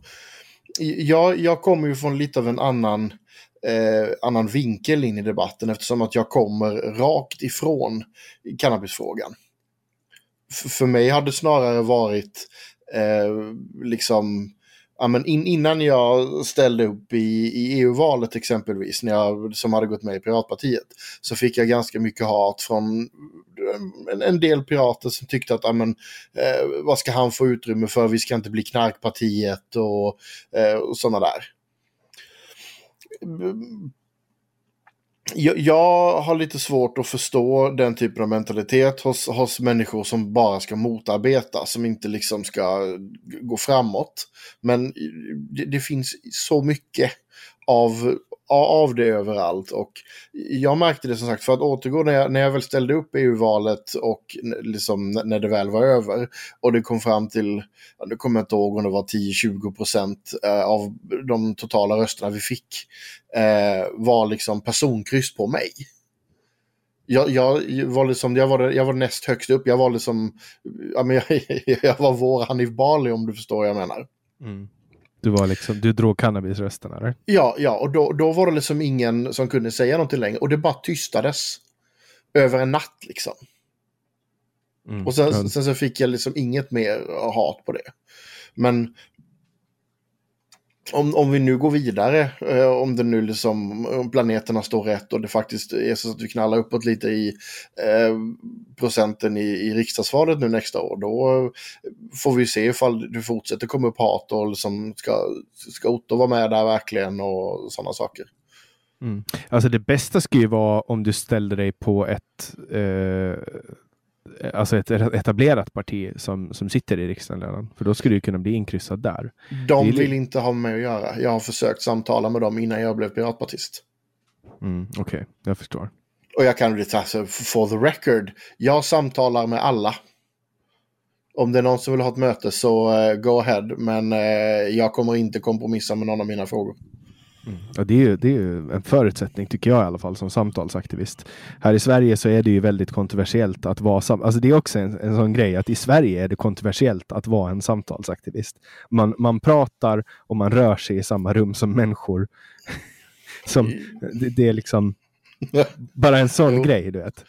Jo, men så, så här, jag, jag, menar inte att jag menar så här att liksom my way, eller jo lite my way or the highway, men jag säger det att jag har några punkter som jag inte tummar på. Mm. Um, och, det är gräs åt alla. för speciellt, speciellt 12-åringar. Mm. Hasch uh, i ögonen åt alla. Injektioner. Nej. uh, för mig är det väldigt viktigt uh, att, att, det, att det blir en, i alla fall delvis, eller möjlig kommersiell legalisering. Ehm, just det här att det får inte vara en helt fri marknad för att då kommer amerikanska och kanadensiska redan etablerade jättar att äta upp vår marknad. Ehm, eh, och det får inte heller bli en, en, en, helt kontrollerad som i Systembolaget för då tror jag att den svarta marknaden kommer att eh, eh blomstra alldeles för mycket. Mm. Jag tror att man måste ha kombinationen av att eh, folk ska kunna gå till klubbar, att folk ska kunna gå till krogliknande miljöer och att man ska kunna gå och liksom köpa hem det. Du vet, jag har ju ett, ett, förslag, jag har tagit upp det ganska många gånger i den här podden, men nu har jag gjort ganska många avsnitt också så att det är lite svårt, alltså så här, jag kan, det tåls att upprepas så att säga. Ja. Och den som hör alla de här mina all, olika anekdoter och idéer om och om igen, så här, all heder till er, ni lyssnar mycket på min podd och jag vill tacka er för det. men vi har alltså i Finland så har vi ett alkoholmonopol, precis som i Sverige då. Sverige heter det Systembolaget. I Finland heter det Alko. Mitt förslag är att om det någonsin kommer ett eh, system för ett systembolag för, för droger, då ska det heta Narco. Du har. Alko och Narco. Alko har en röd logo och Narco kan då ha en grön logo. ja, varför inte? Jag vet inte vad det ska heta i Sverige. Cannabisbolaget. Ja, men det känns ändå som att det, man, måste, man måste spänna in. Det finns ju andra droger också som man kommer att avkriminalisera i framtiden. Det känns ju så. Ja, och jag vill vidhålla min grej att jag tycker vi ska särhålla dem. Det är många som säger det. Låt dem sälja cannabis till Systembolaget och säga nej för helvete. Håll isär alkoholen och gräset. Det finns all möjlighet att ha två butiker för det. Ja, om det är mycket kö på Systembolagen nu, vad lär det inte bli då? Exakt, det är bara en av många problem. Och sen har vi det att det krävs väldigt mycket kunskap om väldigt mycket olika strains. Precis som att de är jätteduktiga på olika ölsorter, vinsorter, spritsorter och gud vet vad på systemet. Bara fråga dem om ni har några frågor så ska ni få höra. Alla, alla som börjar jobba på det nya Systembolaget har rasta dreads liksom. Ja. men så här, det, jag, jag, vill ha samma kunskap om strains och sådana saker och det måste särskiljas. Du, du kan inte bli expert på två ämnen. Och alla säger yo man när man kommer in. Fist bumps börjar man med. Även om du är en kvinna så bara yo man what's up? Hur gammal var du när du rökte gräs första gången? Eh, alltså det var någon sån här, jag, jag minns inte helt, men det var någonstans 13-14, alldeles för tidigt i alla fall. Ja, man ska ju absolut inte röka gräs förrän man är, vad är det, 25? Det, jag tror det är 24 som här, hjärnan är fullt utvecklad. Och mm. eh, ja, det, det hade varit en utopi precis. Mm. Ja, alltså det finns mycket forskning som stöder att det är skadligt för utvecklingen av hjärnan att börja. Ja. Det är ju samma med alkohol. Du ska ja. ju aldrig dricka alkohol. Och du ska aldrig röka gräs heller. Eh, Nej, i en perfekt värld så ska ju alla vara nyktra och springa runt och fisa i enhörningar liksom. mm. Men så är det ju, det blir ju sällan så i verkligheten. Men, men, men cannabis har ju alltså en, en om, om vi ska prata om de negativa aspekterna. Det finns ju negativa aspekter av alla rusmedel och, och en av dem som, som har fått ganska oproportionerligt mycket eh, uppmärksamhet är att den har en tendens att ta fram latent schizofreni. Ja, och det, det är så här. Det, det, är liksom. Det är, det är väldigt tvev, tvivelaktiga bevis på det. För att alltså, det du har sett helt enkelt är att de människorna som, som har då utvecklat schizofreni, många av dem har, rök, har, har rökt. Men många av dem har också säkerligen druckit alkohol exempelvis. För att grejen med sådana, den typen av sjukdomar är ju att du, du känner ju ofta att någonting är fel och försöker göra någonting åt det. Ja, alltså det är, det är svårt att se vad som är, är orsak och vad som är verkan. Ja, Att det- alltså de, är försök till självmedicinering. Mm. Så att jag, jag, jag, den forskning jag har sett, och jag, jag grävde lite i det för ett tag sedan igen. Eh, när det var en eh, hysterisk mamma som började skriva massa mejl och PM och liknande. Och ja, men precis som så, jag var satan själv för att hennes unga hade fått schizofreni och liknande. Och, ja. Mm. Ja, alltså det är ju snarare hennes fel eftersom hon födde ett barn och hon har gener. Nej, nu, nu raljerar jag. måste... Jag måste det, där, vi, kanske var, inte, vi kanske inte behöver peka finger. ja, det, där var, det, där var, det där var ett skämt. Jag är lite Jo, ja. på skämthumör nu. Det är, det, det är din podd, kör hur du vill. Jo, men sen kom jag på, jag kommer ju på också att jag har en helt annan position nu än vad jag hade för några veckor sedan. Ja, jo. Så det, det, det är lite det som är grejen också. Du vet, jag kan inte ens... Ja, det är väl det. Men, men det, är, det är ingen som lyssnar på min podd. Ja, Speciellt inte när vi pratar om cannabis. Okej. Jag, Nej, jag, jag ska, jag ska, några av mina mest streamade avsnitt har faktiskt varit, eh, har faktiskt ha, haft med narkotika att göra. Så. det är har haft- faktiskt rätt sjukt, för så säger många. Mm. När, när man är med så här på andra shower och liknande sådana saker. Så, wow, så här, shit vad många som hört av sig som tyckte det var intressant att höra om cannabis. Mm. Och jag liksom bara, ja, oh, wow. Jag har en liten svans som brukar eh, följa efter mig. Fast jag har mer av en kärlekssvans än en SD-svans. en smokesvans. Ja, men det, det kommer ofta, det är så här, ibland är det ofta samma människor som liksom som studsar runt och lyssnar på de olika sakerna för att alltså det är människor som snarare följer mig kanske. Men det är jättebra. Ni, ni som, som tillhör Otto Svans, jag rekommenderar att ni går in och lyssnar på Erik Petschler avsnittet om ni inte redan har gjort det.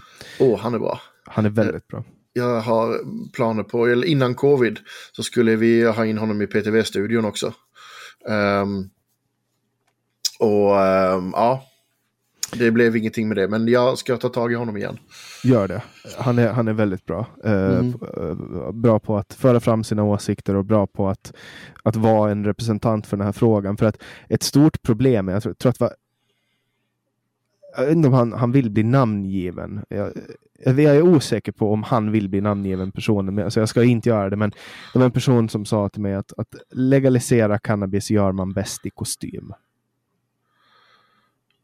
Alltså, jag- är 100% med, med på det, men ingen människa i kostym kommer bry sig. Såvida inte människorna nere på gator och torg gör väsen nog. Mm. Men så, så är det nog. Men alltså, jag tror ju ändå att alltså, det finns ganska mycket evidens för den här frågan. Ja. Och, och, och till sist, i ett samhälle så brukar evidensen komma ikapp. Det, fanns, men, men det, där, det finns ju också en liten sån här period efter ett paradigmskifte som, som, som till exempel förut då när man, man, när man höll på med det här med, med åderlåtning. Att Ja. man, när folk var förkylda då så trodde man att de hade för mycket blod och då öppnade man upp eh, blodkärl och liksom tömde dem på blod. Det var, många, det var många som dog alltså till följd av åderlåtning. Och man visste det här ganska länge. Alltså det var 10-20 år som man visste att det är livsfarligt att, att, att tömma folk på blod. Men ändå fortsatt läkare göra det för att man har gjort det förut. Mm. Och det är väl lite det också som har, tror jag, med just den här cannabisfrågan. För att i min värld så är det inte så kontroversiellt Eh, att, att, alltså, det är väl bara att ko alltså, kolla på det, det, det, största argumentet som folk idag har. att ja, Vi har redan en drog, drog som är farlig. Vi kan inte ha flera. Men det är ju inte så att folk, bara för att man avkriminaliserar droger så börjar folk trycka i sig eh, de sakerna. Nej. De flesta har ju inte behov av det. Nej, alltså de flesta har inte behov av det. Eh, och sen för, för det andra, eh, det är så lättillgängligt idag. Att om du har intresse av att prova det så har du redan gjort det. Alltså det, det, är lättare idag att få tag i gräs än alkohol eftersom att alkohol måste du oftast vända dig till systemet. Jag menar, jag ska vara ärlig och säga det att jag skulle inte kunna fixa svartsprit i liksom Stockholm sådär på två röda. Nej, det, det, är lättare. Det är sant. Det är lättare att få tag på cannabis än, än eh, efter stängningstid i alla fall. Efter fem, eller när alkohol. Jag har inte varit till, till Systembolaget på eh, många, många år. Ja. Jag vet, så jag vet inte när de stänger, men efter de har stängt så är det lättare att få tag på droger. Ja, jag har ingen aning om de stänger. Jag är där så jävla sällan. Men sen är det ju också den aspekten att eh, det är så mycket mer lönsamt för folk att sälja droger när det är olagligt. Vilket gör att det kommer att finnas en, en, en ett stort utbud. Ja, men det, det är just det som är grejen. Så här, du har en produktions och en transport och en förvaringskostnad när du är kriminell.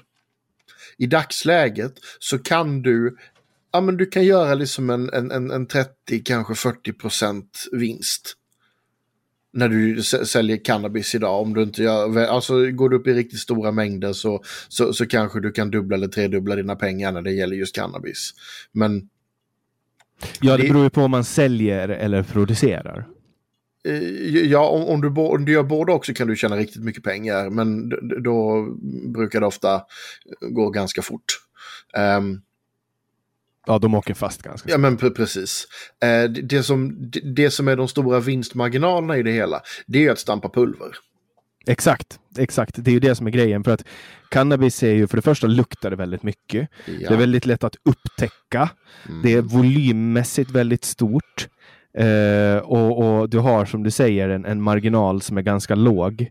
Eh, du kan ju inte tar... blanda ut det på samma sätt. Exakt. Har du, har du kokain och så sitter du på 10 eh, gram kokain mm. och så blandar du ihop det med 10 gram kreatin monohydrat då, som du kan köpa i vilken matbutik som helst. Eh, då, då, har du, då har du dubbla din marginal. Precis. Och, och, det, det, och jag tror att det är få människor som, som håller på och handlar med narkotika som inte eh, inser det och gör det. Och där har vi också en påtaglig fara, alltså att en, en, en brukare då, eller en användare eller en riskbrukare eller missbrukare eller eh, mm. vad man nu vill kalla dem, som använder kokain, kanske någon gång på helgerna eller någon annan drog, då, amfetamin, och, och använder då och så vet de att ja, men så här mycket klarar jag av. Den här ett gram klarar jag av. Och sen helt plötsligt så får de någonting som är jätte, jättepotent. Yep. Därför att de är vana med att köpa någonting som är utblank, utbankat, utblandat. Det är också en påtaglig fara alltså när det kommer till överdos. Mm. Alltså det, det, finns ju flera sådana här, eh, om man kollar på YouTube så finns det bland annat en Vice-dokumentär och liknande eh, med, vad ska man säga, alltså eh, Heroin Resorts tror jag det kallas liksom.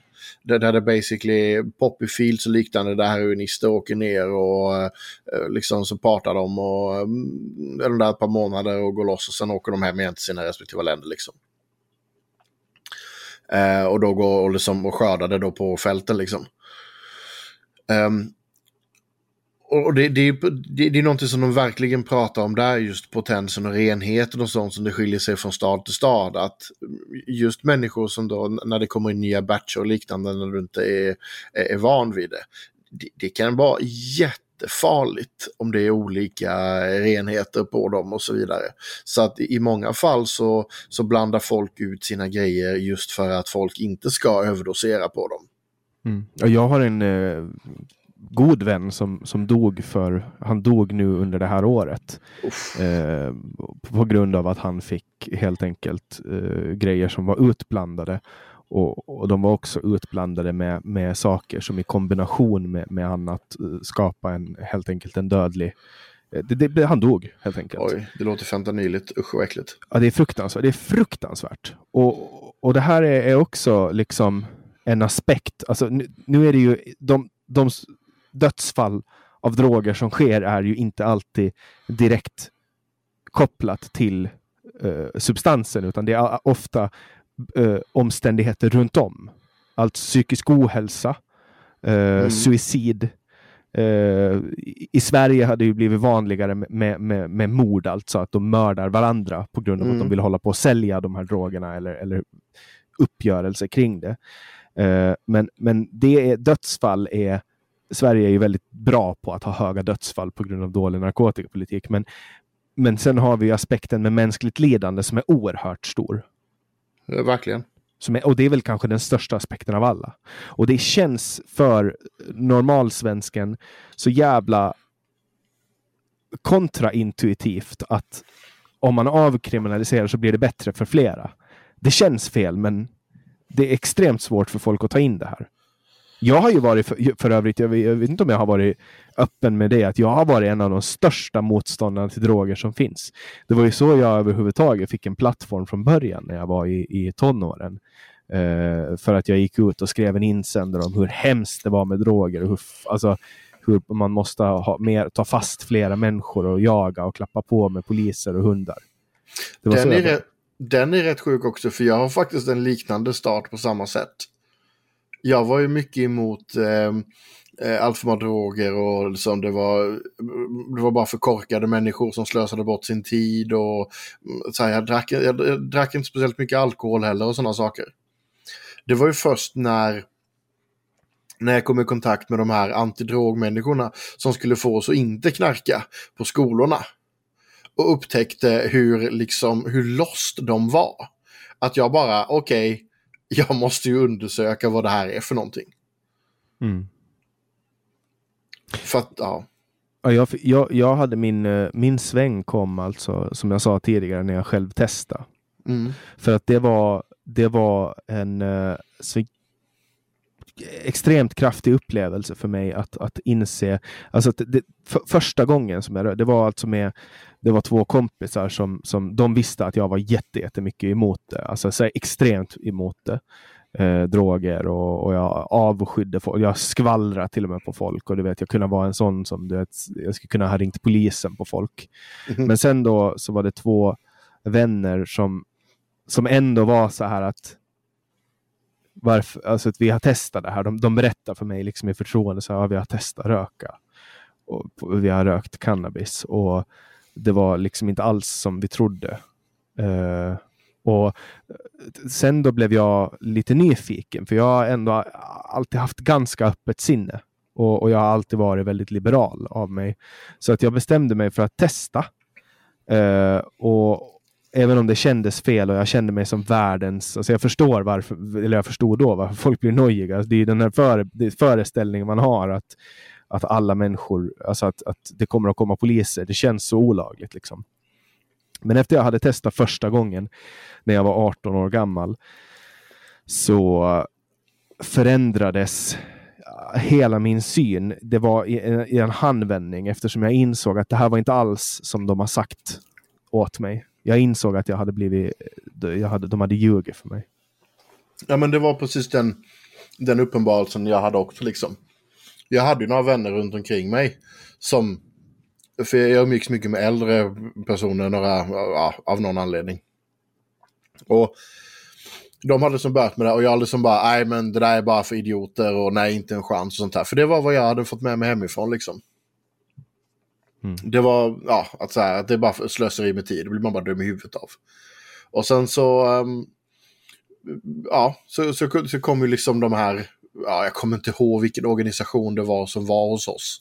Men jag minns att det var en, det var en ambulanschaufför som var helt lost den här jävla ambulanschauffören. Och han skulle skrämma upp oss unga med att de som var ute och slogs på stan, de, eh, när de kom in i, på liksom eh, på sjukhuset så hade de slagit av käken på dem. Det händer ju typ aldrig men ja, eh, då så här, fan vad det han sa, då drog man ståltråd genom tänderna för att hålla den fast och, eh, och det kommer in drogpsykoser och gud vet vad.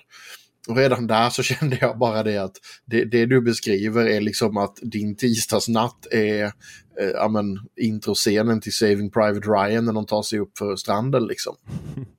Alltså, också... I, Kal I Karlskrona med 35 000 invånare ska tilläggas. Men också så här, vilket är jättekonstigt, att när det är typ så här något av Belinda Olssons debattprogram, hon får ju ett nytt varje år, då är det då är det alltid så här att de, de, de ska prata droger och då tar de någon som ser det absolut värsta av drogerna. Någon som ser det absolut värsta.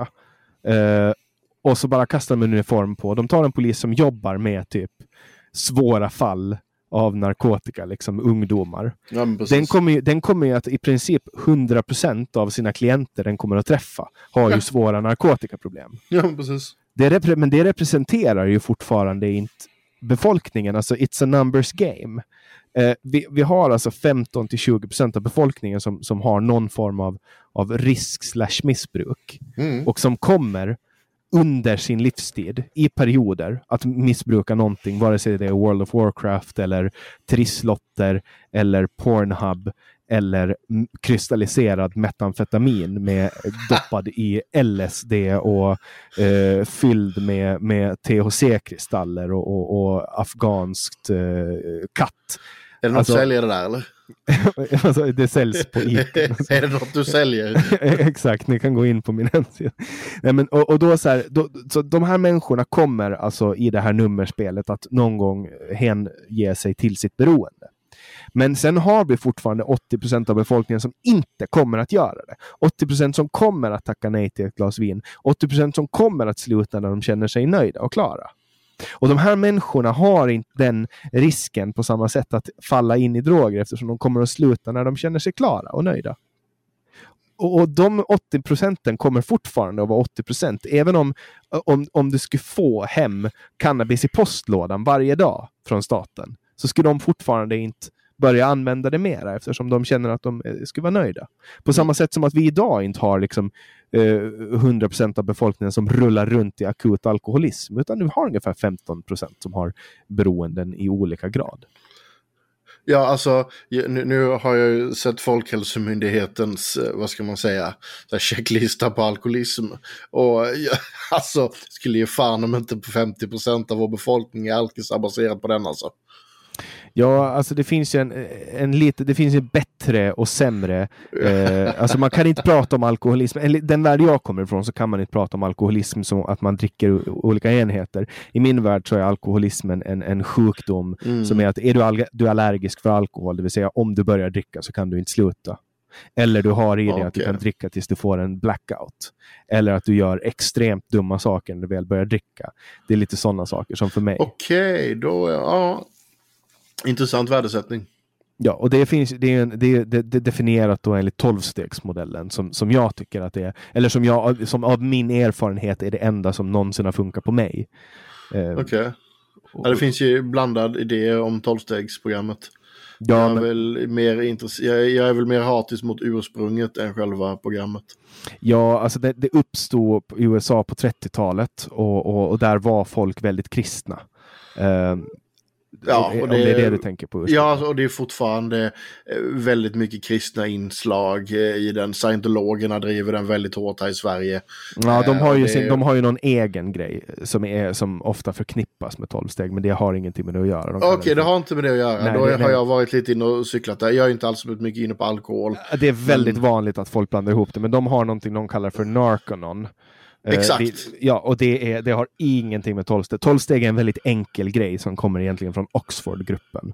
Okay. Uh, som som uh, togs, togs fram i USA på 30-talet när en börsmäklare som absolut inte kunde sluta dricka började hjälpa en läkare som absolut inte kunde sluta dricka och så upptäckte de att oj shit, om vi följer de här enkla, enkla reglerna, då kan vi bota det här svåra, svåra problemet. Och de båda hade fått hjälp av, av jätteprominenta läkare, av, av Carl Jung och så här stora tunga namn. Uh, och, och, och sen insåg de att okej, okay, om vi följer de här enkla reglerna, då, då kan vi bli nyktra. Och, och sen då börjar de, och i de här reglerna så ingår det att man ska, man ska påminna sig själv om naturen av sitt eget tillstånd genom att hitta andra människor som är alkoholister och erbjuda dem hjälp. Och erbjuder du till, tillräckligt många alkoholister hjälp, då kommer du att hitta någon som vill ha din hjälp som blir nykter och förbättrar sitt liv. Och det kommer att göra att du får en känsla av mening. Och det är det som du saknar när du dricker. Du saknar känsla av mening och sammanhang. Uh, ja. Och sen när man får en känsla av mening och sammanhang, det är ju precis som Rat Park-experimentet som Johan Harris så ja. famously har distribuerat på Youtube nu under många, många år. Den har hur många visningar som helst. Uh, du vet vilken jag pratar om? Ja, absolut. Och, och, och det, det, den går ju basically ut på att, att du kan ta råttor och stoppa in dem. Och det här, man, har, man har ju replikerat det här eh, experimentet hur många gånger som helst. Att du tar råttor och så ger du dem heroin, kokain. Mm. Eh, och, så, och, och, så har de en tråkig tillvaro, de inte har någonting att göra. Då kommer de att använda det. En del kommer att dö, eh, men de mår jättedåligt och de är jätteledsna. Mm. Och, och sen tar du då en, en meningsfull vardag och stoppar in dem i en lite större råttpark där de får leka med olika saker och de har platser de kan motionera och de är kompisar med andra råttor och livet är mycket roligare. Då kommer de att eh, och de har fortfarande möjlighet att ta kokain och heroin, men då kommer de att välja att ta lite mindre på gruppnivå. Ja. Då, och, och, ingen kommer att dö i överdos och ingen kommer att isolera sig. För att de har en meningsfull vardag. Och sen för han också fram den här tesen, och den kommer från Chasing the Scream, en bok som han skrev före. Men den här tesen att man gjorde exakt det här under Vietnamkriget. Man testade på, på stor nivå. Därför att väldigt många amerikanska soldater, jag tror 700 000, och så jättemånga, kan ha varit 300 000 också, men använde väldigt mycket heroin när de var i Vietnam. Mm. Men sen när de kom tillbaka till USA, då lyckades nästan alla sluta. Det var liksom 15-20 procent som inte lyckades sluta. Men, men de, de flesta heroinister, 80 procent, lyckades sluta på grund av att de kom hem till sin familj, de kom hem till sina jobb, skola, mening. De kanske hade en gård som de var på, flickvänner mm. och pojkvänner och så vidare. Och att det här har mera med, med liksom vad man ska göra, människor som mår dåligt och människor som missbrukar. Att är, är, det, är, det, är det drogerna som gör att folk missbrukar eller att människor är ledsna som gör att folk missbrukar? Det lutar mera mot att vara att folk är ledsna och mår dåligt. Ja, och du fick ju... en riktig hjärtlig monolog av mig där. Ja, men alltså det, det, jag lät dig prata vidare just för att jag tycker att det där var så jävla viktigt att säga. Och det är just det att det är extremt sällan, eh, som i alla fall jag har sett, eh, att det är drogen som är ursprungen till beroendet.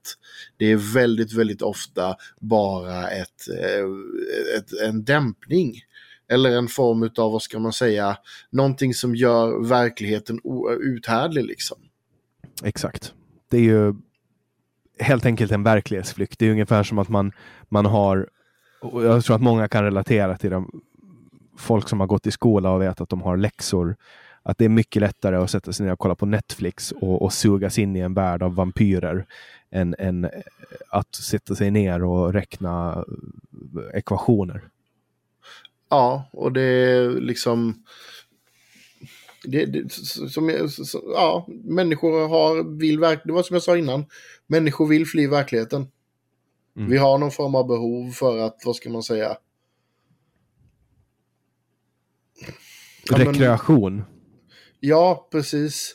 Och liksom i, i, det samhället vi har idag som mer eller mindre sätter in oss i ett hjul där vi eh, liksom fem dagar i veckan ska ägna all vår produktiva tid för att liksom tjäna pengar åt någon annan. För att vi förhoppningsvis två dagar i veckan ska kunna göra vad vi själva vill. Ja, Fast då när vi ska göra det vi själva vill så är vi så stressade så att vi inte kan göra någonting annat och då griper vi till alkohol.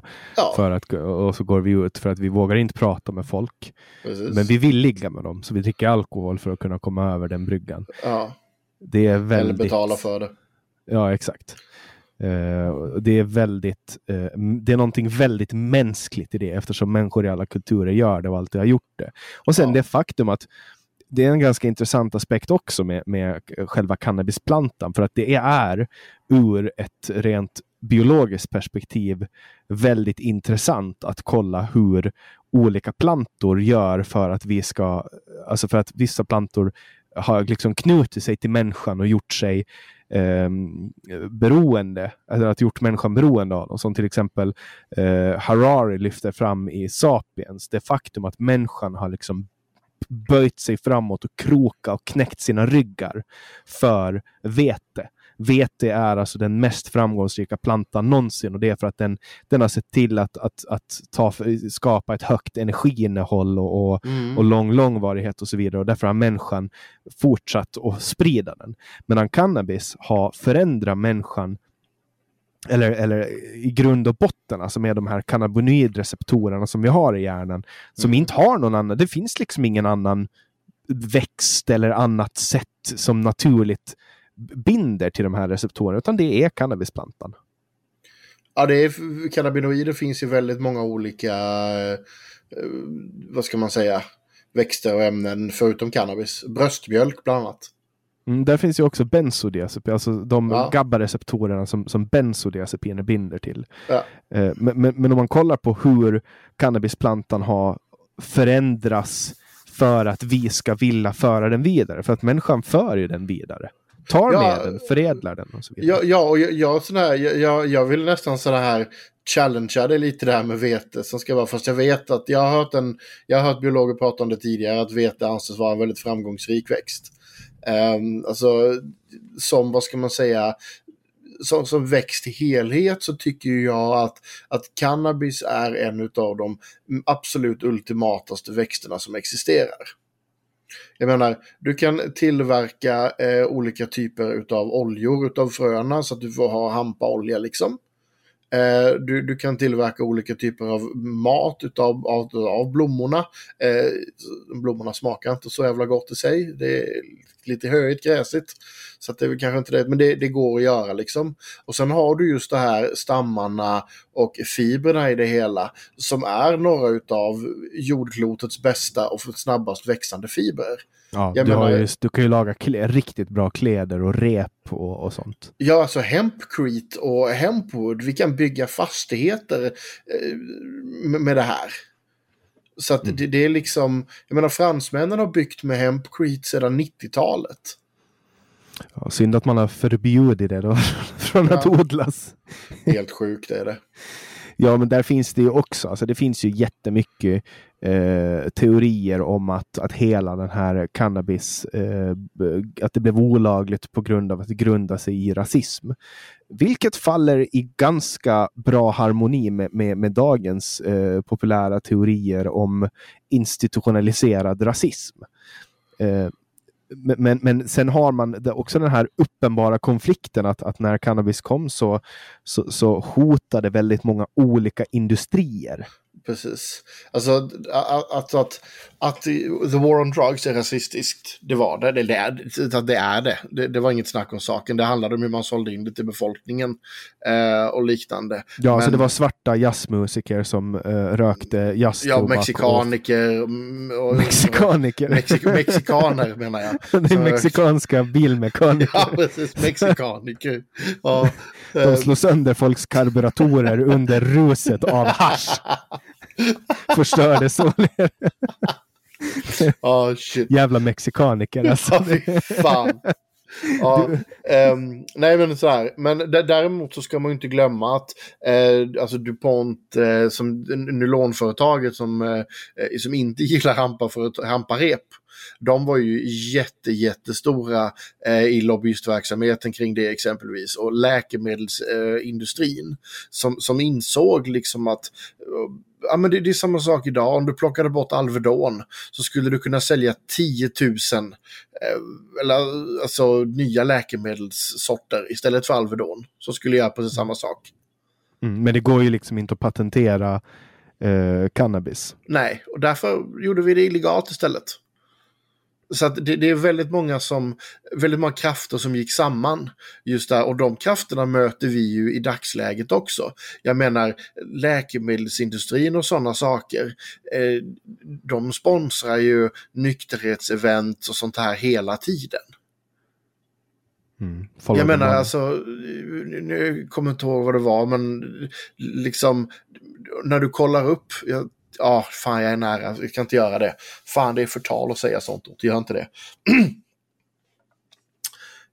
det finns, de, när man börjar kolla upp eh, lönerna på de som sitter så, på chefspositioner inom nykterhetsrörelsen, eh, liksom, och, ja, kan väl hinta åt NPC-hållet.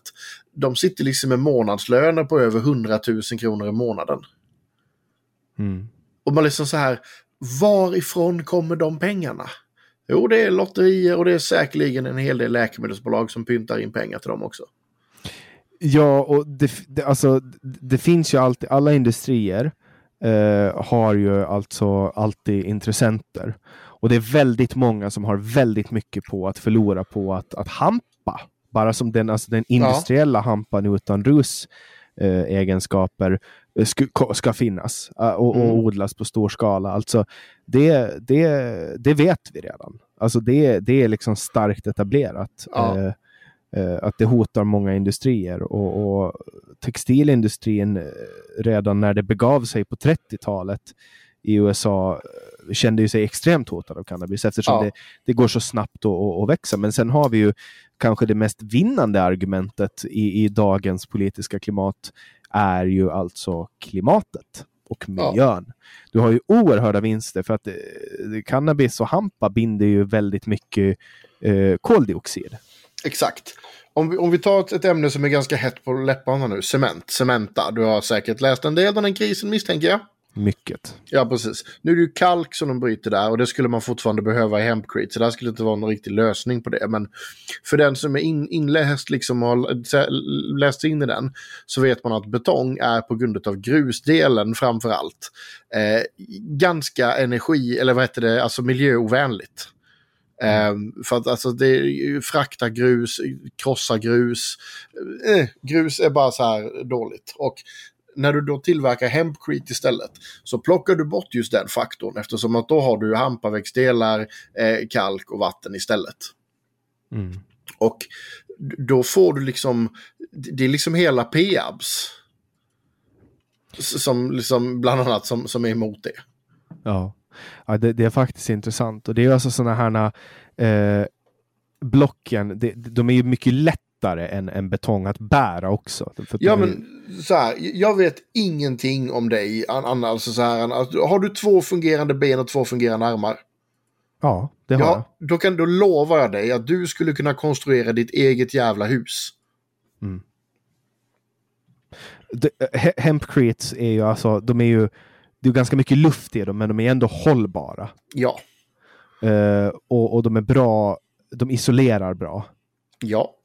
Uh, och de väger lite. Alltså det, här är, det, här, det här är sånt som, upp, som är uppenbart bra. Uh, och, och, och, och sen har vi också det faktum att odlar du hampa på stora fält så bildar du, bildar, alltså de, de, de binder mera koldioxid än vad de Precis, det var det jag skulle komma till som jag missade. I de här Hempcrete-husen då, det här huset som du skulle kunna bygga. Eh, till skillnad från alla andra betonghus så skulle ditt hus kunna vara alltså carbon negativt. Det skulle vara, kunna vara koldioxid negativt. Det vill säga att det skulle vara en negativ impact på miljön att riva ditt hus. Mm. Eftersom att det är bara då det skulle frigöras. Ja, det, det, det är väldigt fascinerande, den här plantan. Alltså, jag vet i allmänhet ganska lite om växter. Men, men jag vet att det här är en otroligt intressant växt på, på grund av att du också har, du har också egenskaper i den här växten som ingen annan växt har. Precis. Den kan växa i princip var som helst, kan växa i Sibirien. Du vet, I normala fall så är blommor eh, tvungna att på något sätt med pollen skicka ut eh, eller att det kommer någon geting eller humla som landar i blommorna. Eller vind i maskrosornas fall. Exakt, alltså, men, men, men, cannabis är helt autonoma i den bemär bemärkelsen. Mm. Förutom att människor nu tar de här fröna och planterar dem överallt. ja, amen, precis. uh, och det, det, är faktiskt någonting som uh, inte så många människor heller känner till. Uh, det är ju väldigt, väldigt få ehm, sorters cannabis idag som är okultiverade. Vilket innebär? Alltså att det, det är väldigt alltså vilda sorter. Det är precis som, du har säkert sett det här, men, du har säkert bilder på hur bananer såg ut för liksom 500 år sedan. Ja. Det som ser ut som vaniljstänger nästan liksom, eller morötter som såg ut liksom mer som trädrötter. Eh, just för att vi hela tiden förädlar växterna när vi liksom massproducerar dem och, och odlar dem. Eh, och det var ju väldigt länge sedan som cannabis var vilt i naturen. Mm. Det, det, det, var liksom, ja, det, det var liksom jättelänge sedan som kineserna började bygga och göra kläder och eh, hålla på med och som afghanerna började trycka hash. Mm. Alltså människor har ju, på, på, det sättet, människor har ju hållit på väldigt mycket. Det finns väl, eh, på ryska tundran kan du väl hitta någon form av, av eh, ganska eh, orörd. Eller? Alltså det är just det som är grejen. Eh, vad jag vet att Sensicides exempelvis en väldigt känd fröbank eh, som opererar runt om i Europa och hela världen. Eh, de är ju liksom lite halvkända för att de, de sägs ha ett team då som är ute och liksom springer runt i Amazonas och eh, uppe i bergen i Nepal och fram och tillbaka och sånt där. Och de har gjort lite YouTube-klipp om det här och sådana saker. Och Alltså det, det, det, är liksom, de gångerna man har sett att de har hittat någonting som är med då vildvuxt och sådana saker.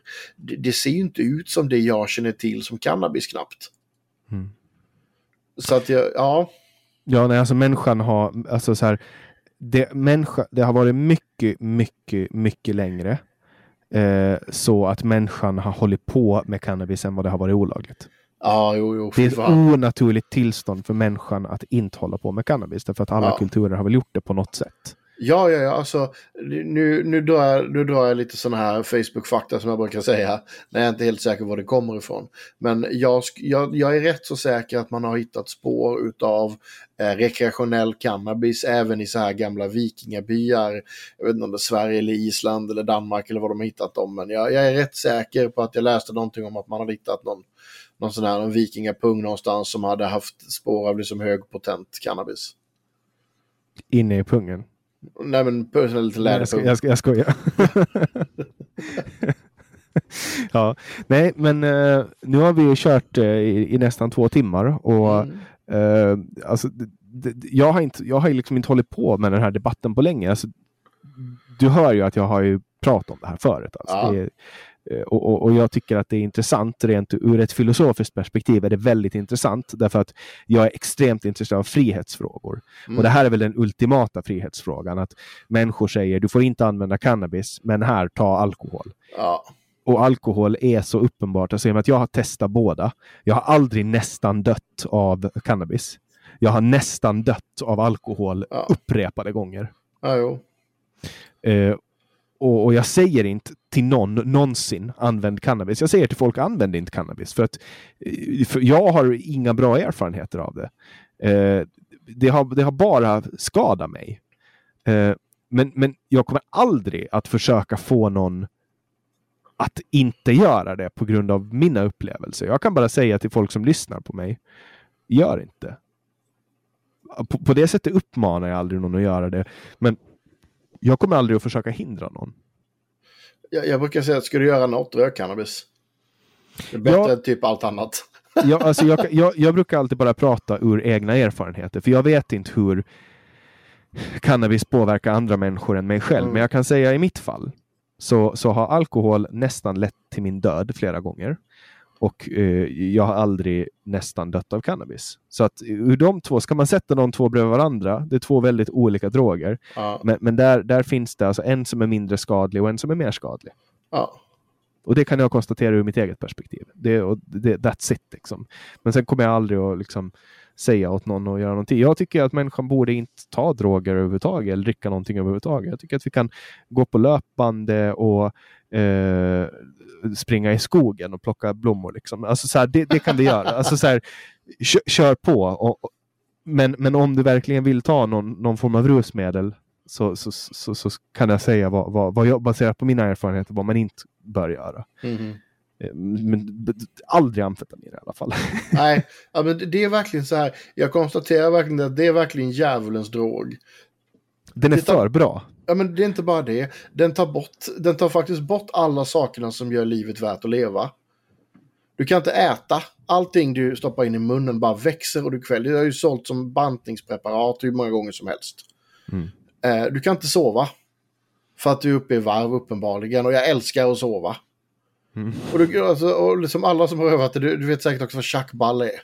Ja. Ja, så att du kan inte, du kan inte knulla heller. Men du kan inte äta, du kan inte sova, du kan inte knulla. Vad fan ska, alltså det, ja, det är mina topp tre liksom. Men sen finns det också en anledning. Att, eh, det är någon komiker, om det är typ Louis CK eller någon. Nej, är det Magnus Betnér? Jag vet inte vem det är. Nu, blir- de två, det är ju ganska Mm. stor skillnad på de två. Men, men, men det är någon komiker som konstaterar i alla fall att droger är jävligt roligt. Det är ju roligt. Det är ju kul. Men det kommer med en kostnad. Det är ungefär som att du tar mjölksyra i en muskel som exempel. Det kallas ju Mm. för syreskuld. Mm. Att när du, när du springer mycket och bygger upp mjölksyra, då, då kan du liksom fortsätta få ut energi utan syre, men då bygger du upp en, en, en syreskuld genom att du bygger upp mjölksyra i muskeln. Då kommer du att få sitta där och ha det ont i muskeln. För att du har mjölksyra som ligger och försurnar muskeln. Ja. Och samma sak får du när du tar en drog. Du lånar lite lycka från framtiden, du lånar lite eufori från framtiden och sen kommer du att få sitta där med din skuld. There's no such thing as a free lunch. Jag gillar Ja. det uttrycket. Ja, det är Milton Friedman. Ja. Visst, visst tänkte du skulle gilla det också. Det finns inget bättre sätt att avsluta ett samtal av podcasten Samtal än ett gammalt klassiskt Friedman-citat. Jättestort tack Otto för att du kunde vara med. Tack för att jag fick vara med. Och till alla er som har lyssnat hoppas jag att ni inte tar någon form av olagliga preparat. Det är olagligt i Sverige. Om ni ska göra det, gör det i ett land där det är lagligt. Jag rekommenderar ingen att någonsin ta någonting annat än luft och vatten och den mat ni behöver för att överleva. Och jag vill också uppmana er att jobba hårt och betala era skatter. Det är viktigt. Vi behöver ju låter lite som en sosse där, så är det att det är coolt att betala skatt eller? Exakt. Exakt. Och om det är så att ni vill ha eh, någon speciell gäst i den här podden så kan ni gå in på www.samtal.ax och önska. Det finns ett litet formulär där som ni kan fylla i. Jag hoppas att ni har haft lika trevligt som jag och förhoppningsvis också Otto har haft idag. Absolut. Jag släpper nya samtal alla onsdagar året runt. Jag heter Jannik Svensson och du har lyssnat på podcasten Samtal.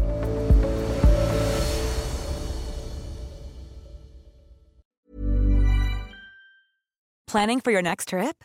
Elevate your travel style with Quince. Quince has all the jet setting essentials you'll want for your next getaway, like European linen, premium luggage options, buttery soft Italian leather bags, and so much more. And is all priced at 50 to 80% less than similar brands. Plus, Quince only works with factories that use safe and ethical manufacturing practices. Pack your bags with high-quality essentials you'll be wearing for vacations to come with Quince. Go to quince.com slash pack for free shipping and 365-day returns.